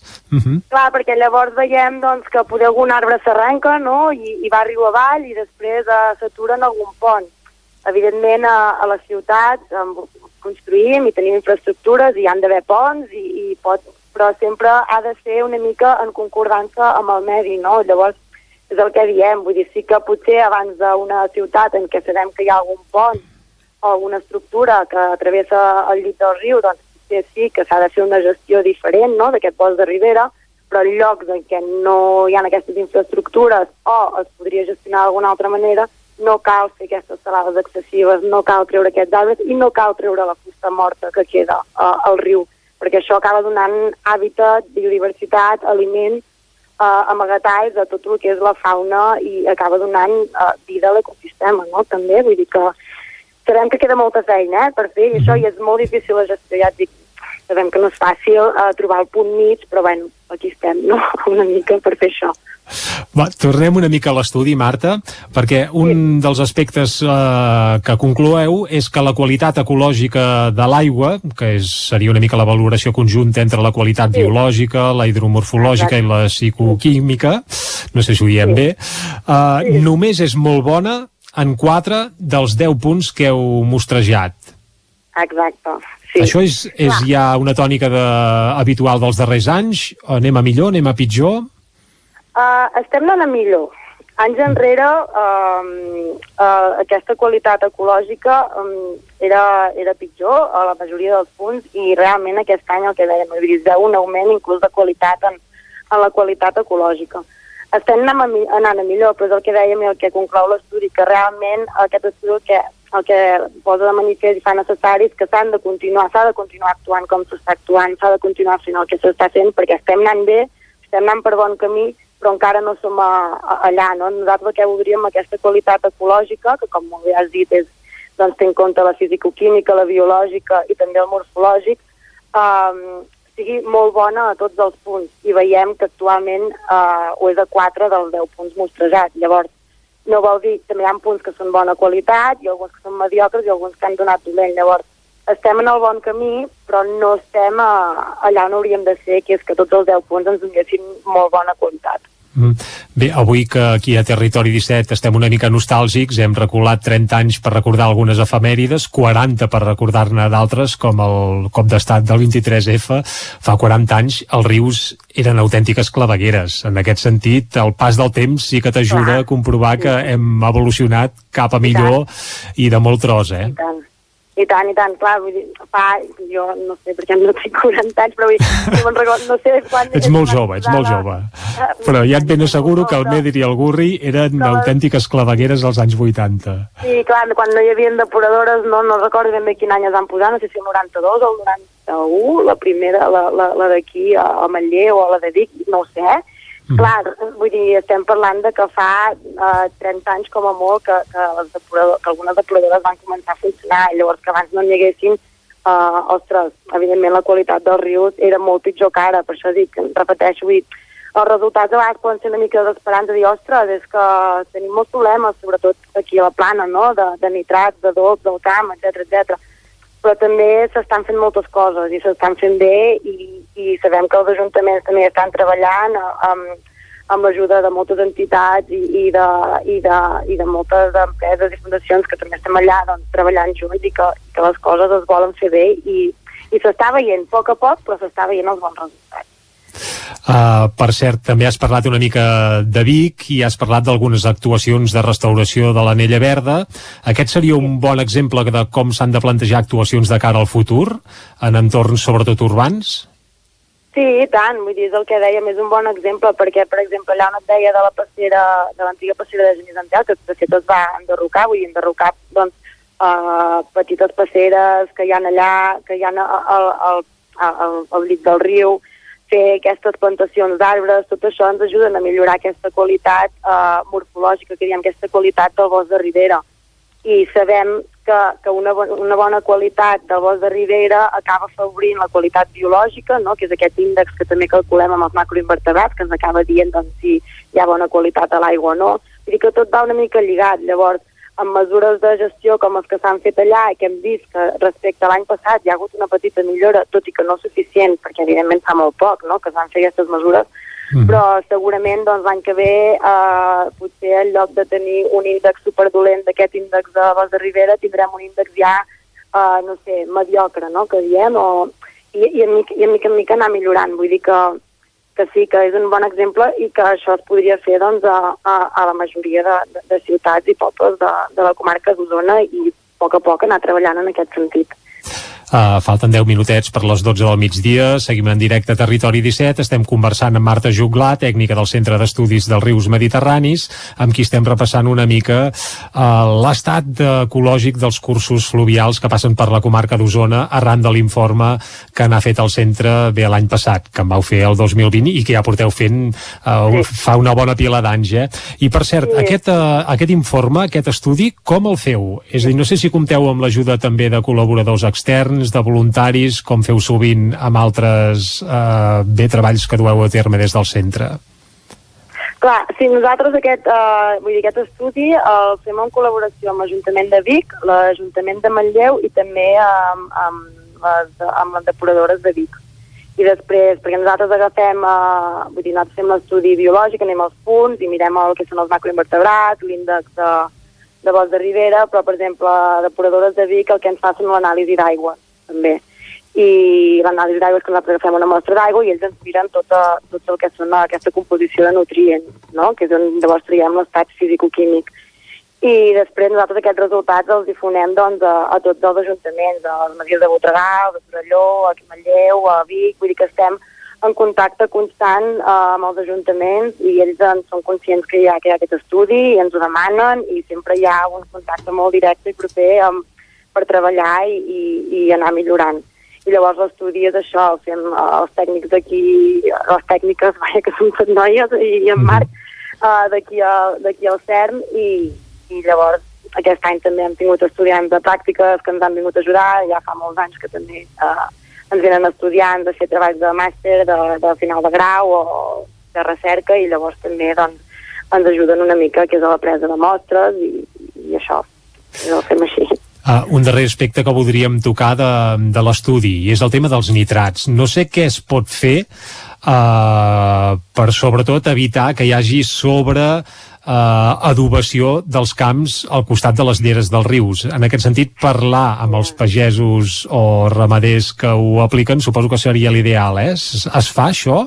O es pot fer? Uh, clar, o sigui, uh, l'ideal és que no hi hagués aquest, aquest sobrecarregament de, de dolç a- en els camps. Clar, no? això seria l'ideal, evidentment. Entenem que és molt complicat doncs, per la quantitat de, de granges que, que tenim aquí i de, de, de, és que ja és ficar-se inclús una mica en el model econòmic no, de com funciona la, la, la, la, la plana, perquè vull dir, realment es diu molt de la ramaderia i no estem dient que, que, que ni els pagesos siguin els dolents ni que, vull dir que no, que no que és un problema que ve de fa molts anys. Llavors sí que hi hauria d'haver una gestió uh, clar, aquí com hauria de ser? Doncs no sé, hi havia una planta de purins, que ara no, no sóc conscient de si està funcionant o no, perquè jo em pensava que havia deixat de funcionar l'altre Sí, dia. de, van dir de les dues que hi havia, una està aturada, l'altra crec que Vale, sí. funciona una mica.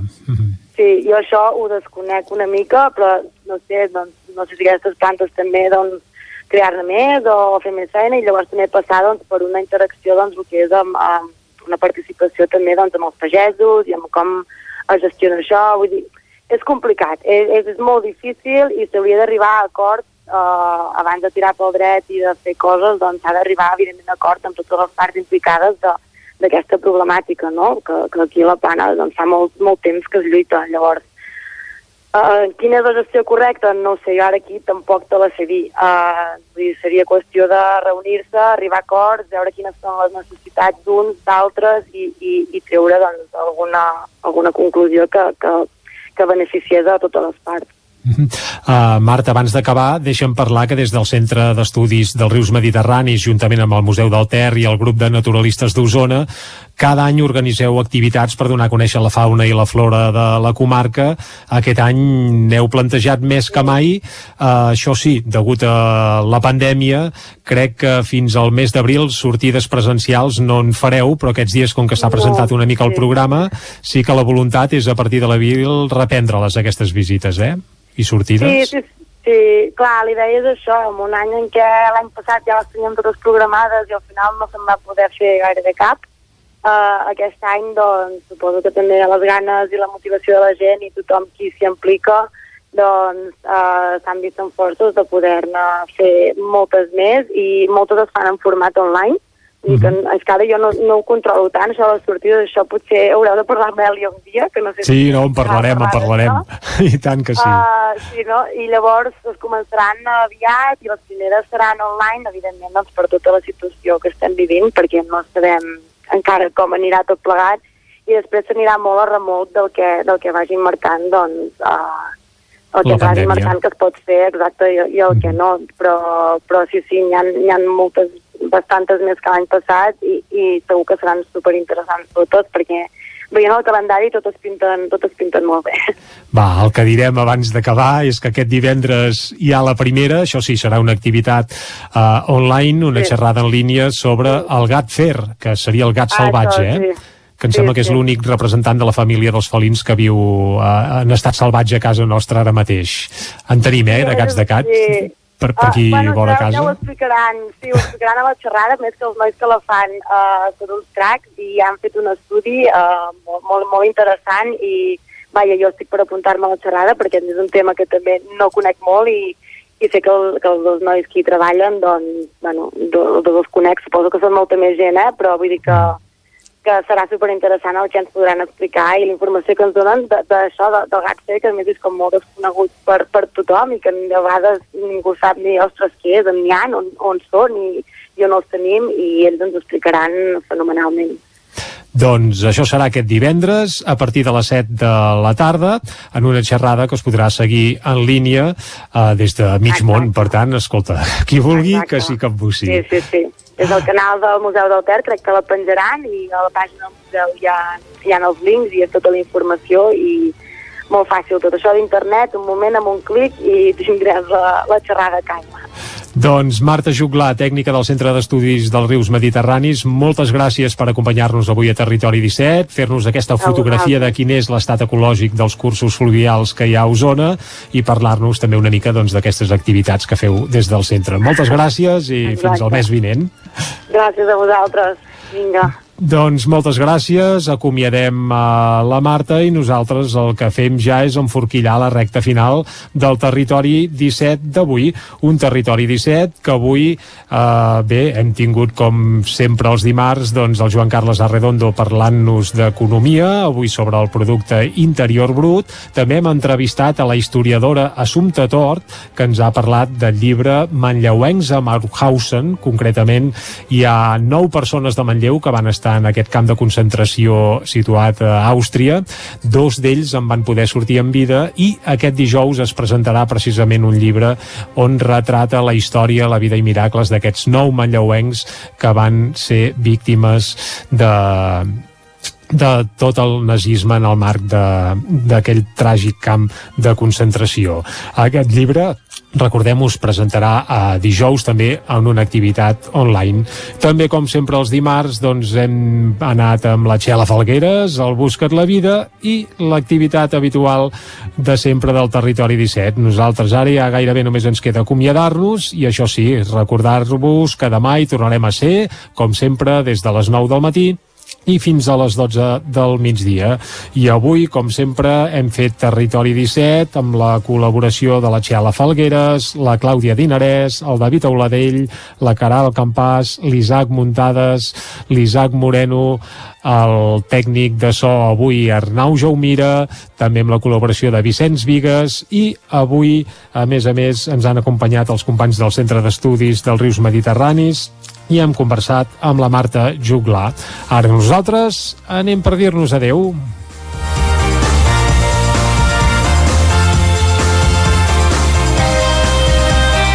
Ara sí, que vagi molt bé, molts records, us esperem demà de nou des de les 9 del matí i fins a les 12 del migdia, aquí, a Territori 17, a la sintonia del 9 FM, Ràdio Cardedeu, Ona Codinenca, La Veu de Sant Joan i el 9 TV.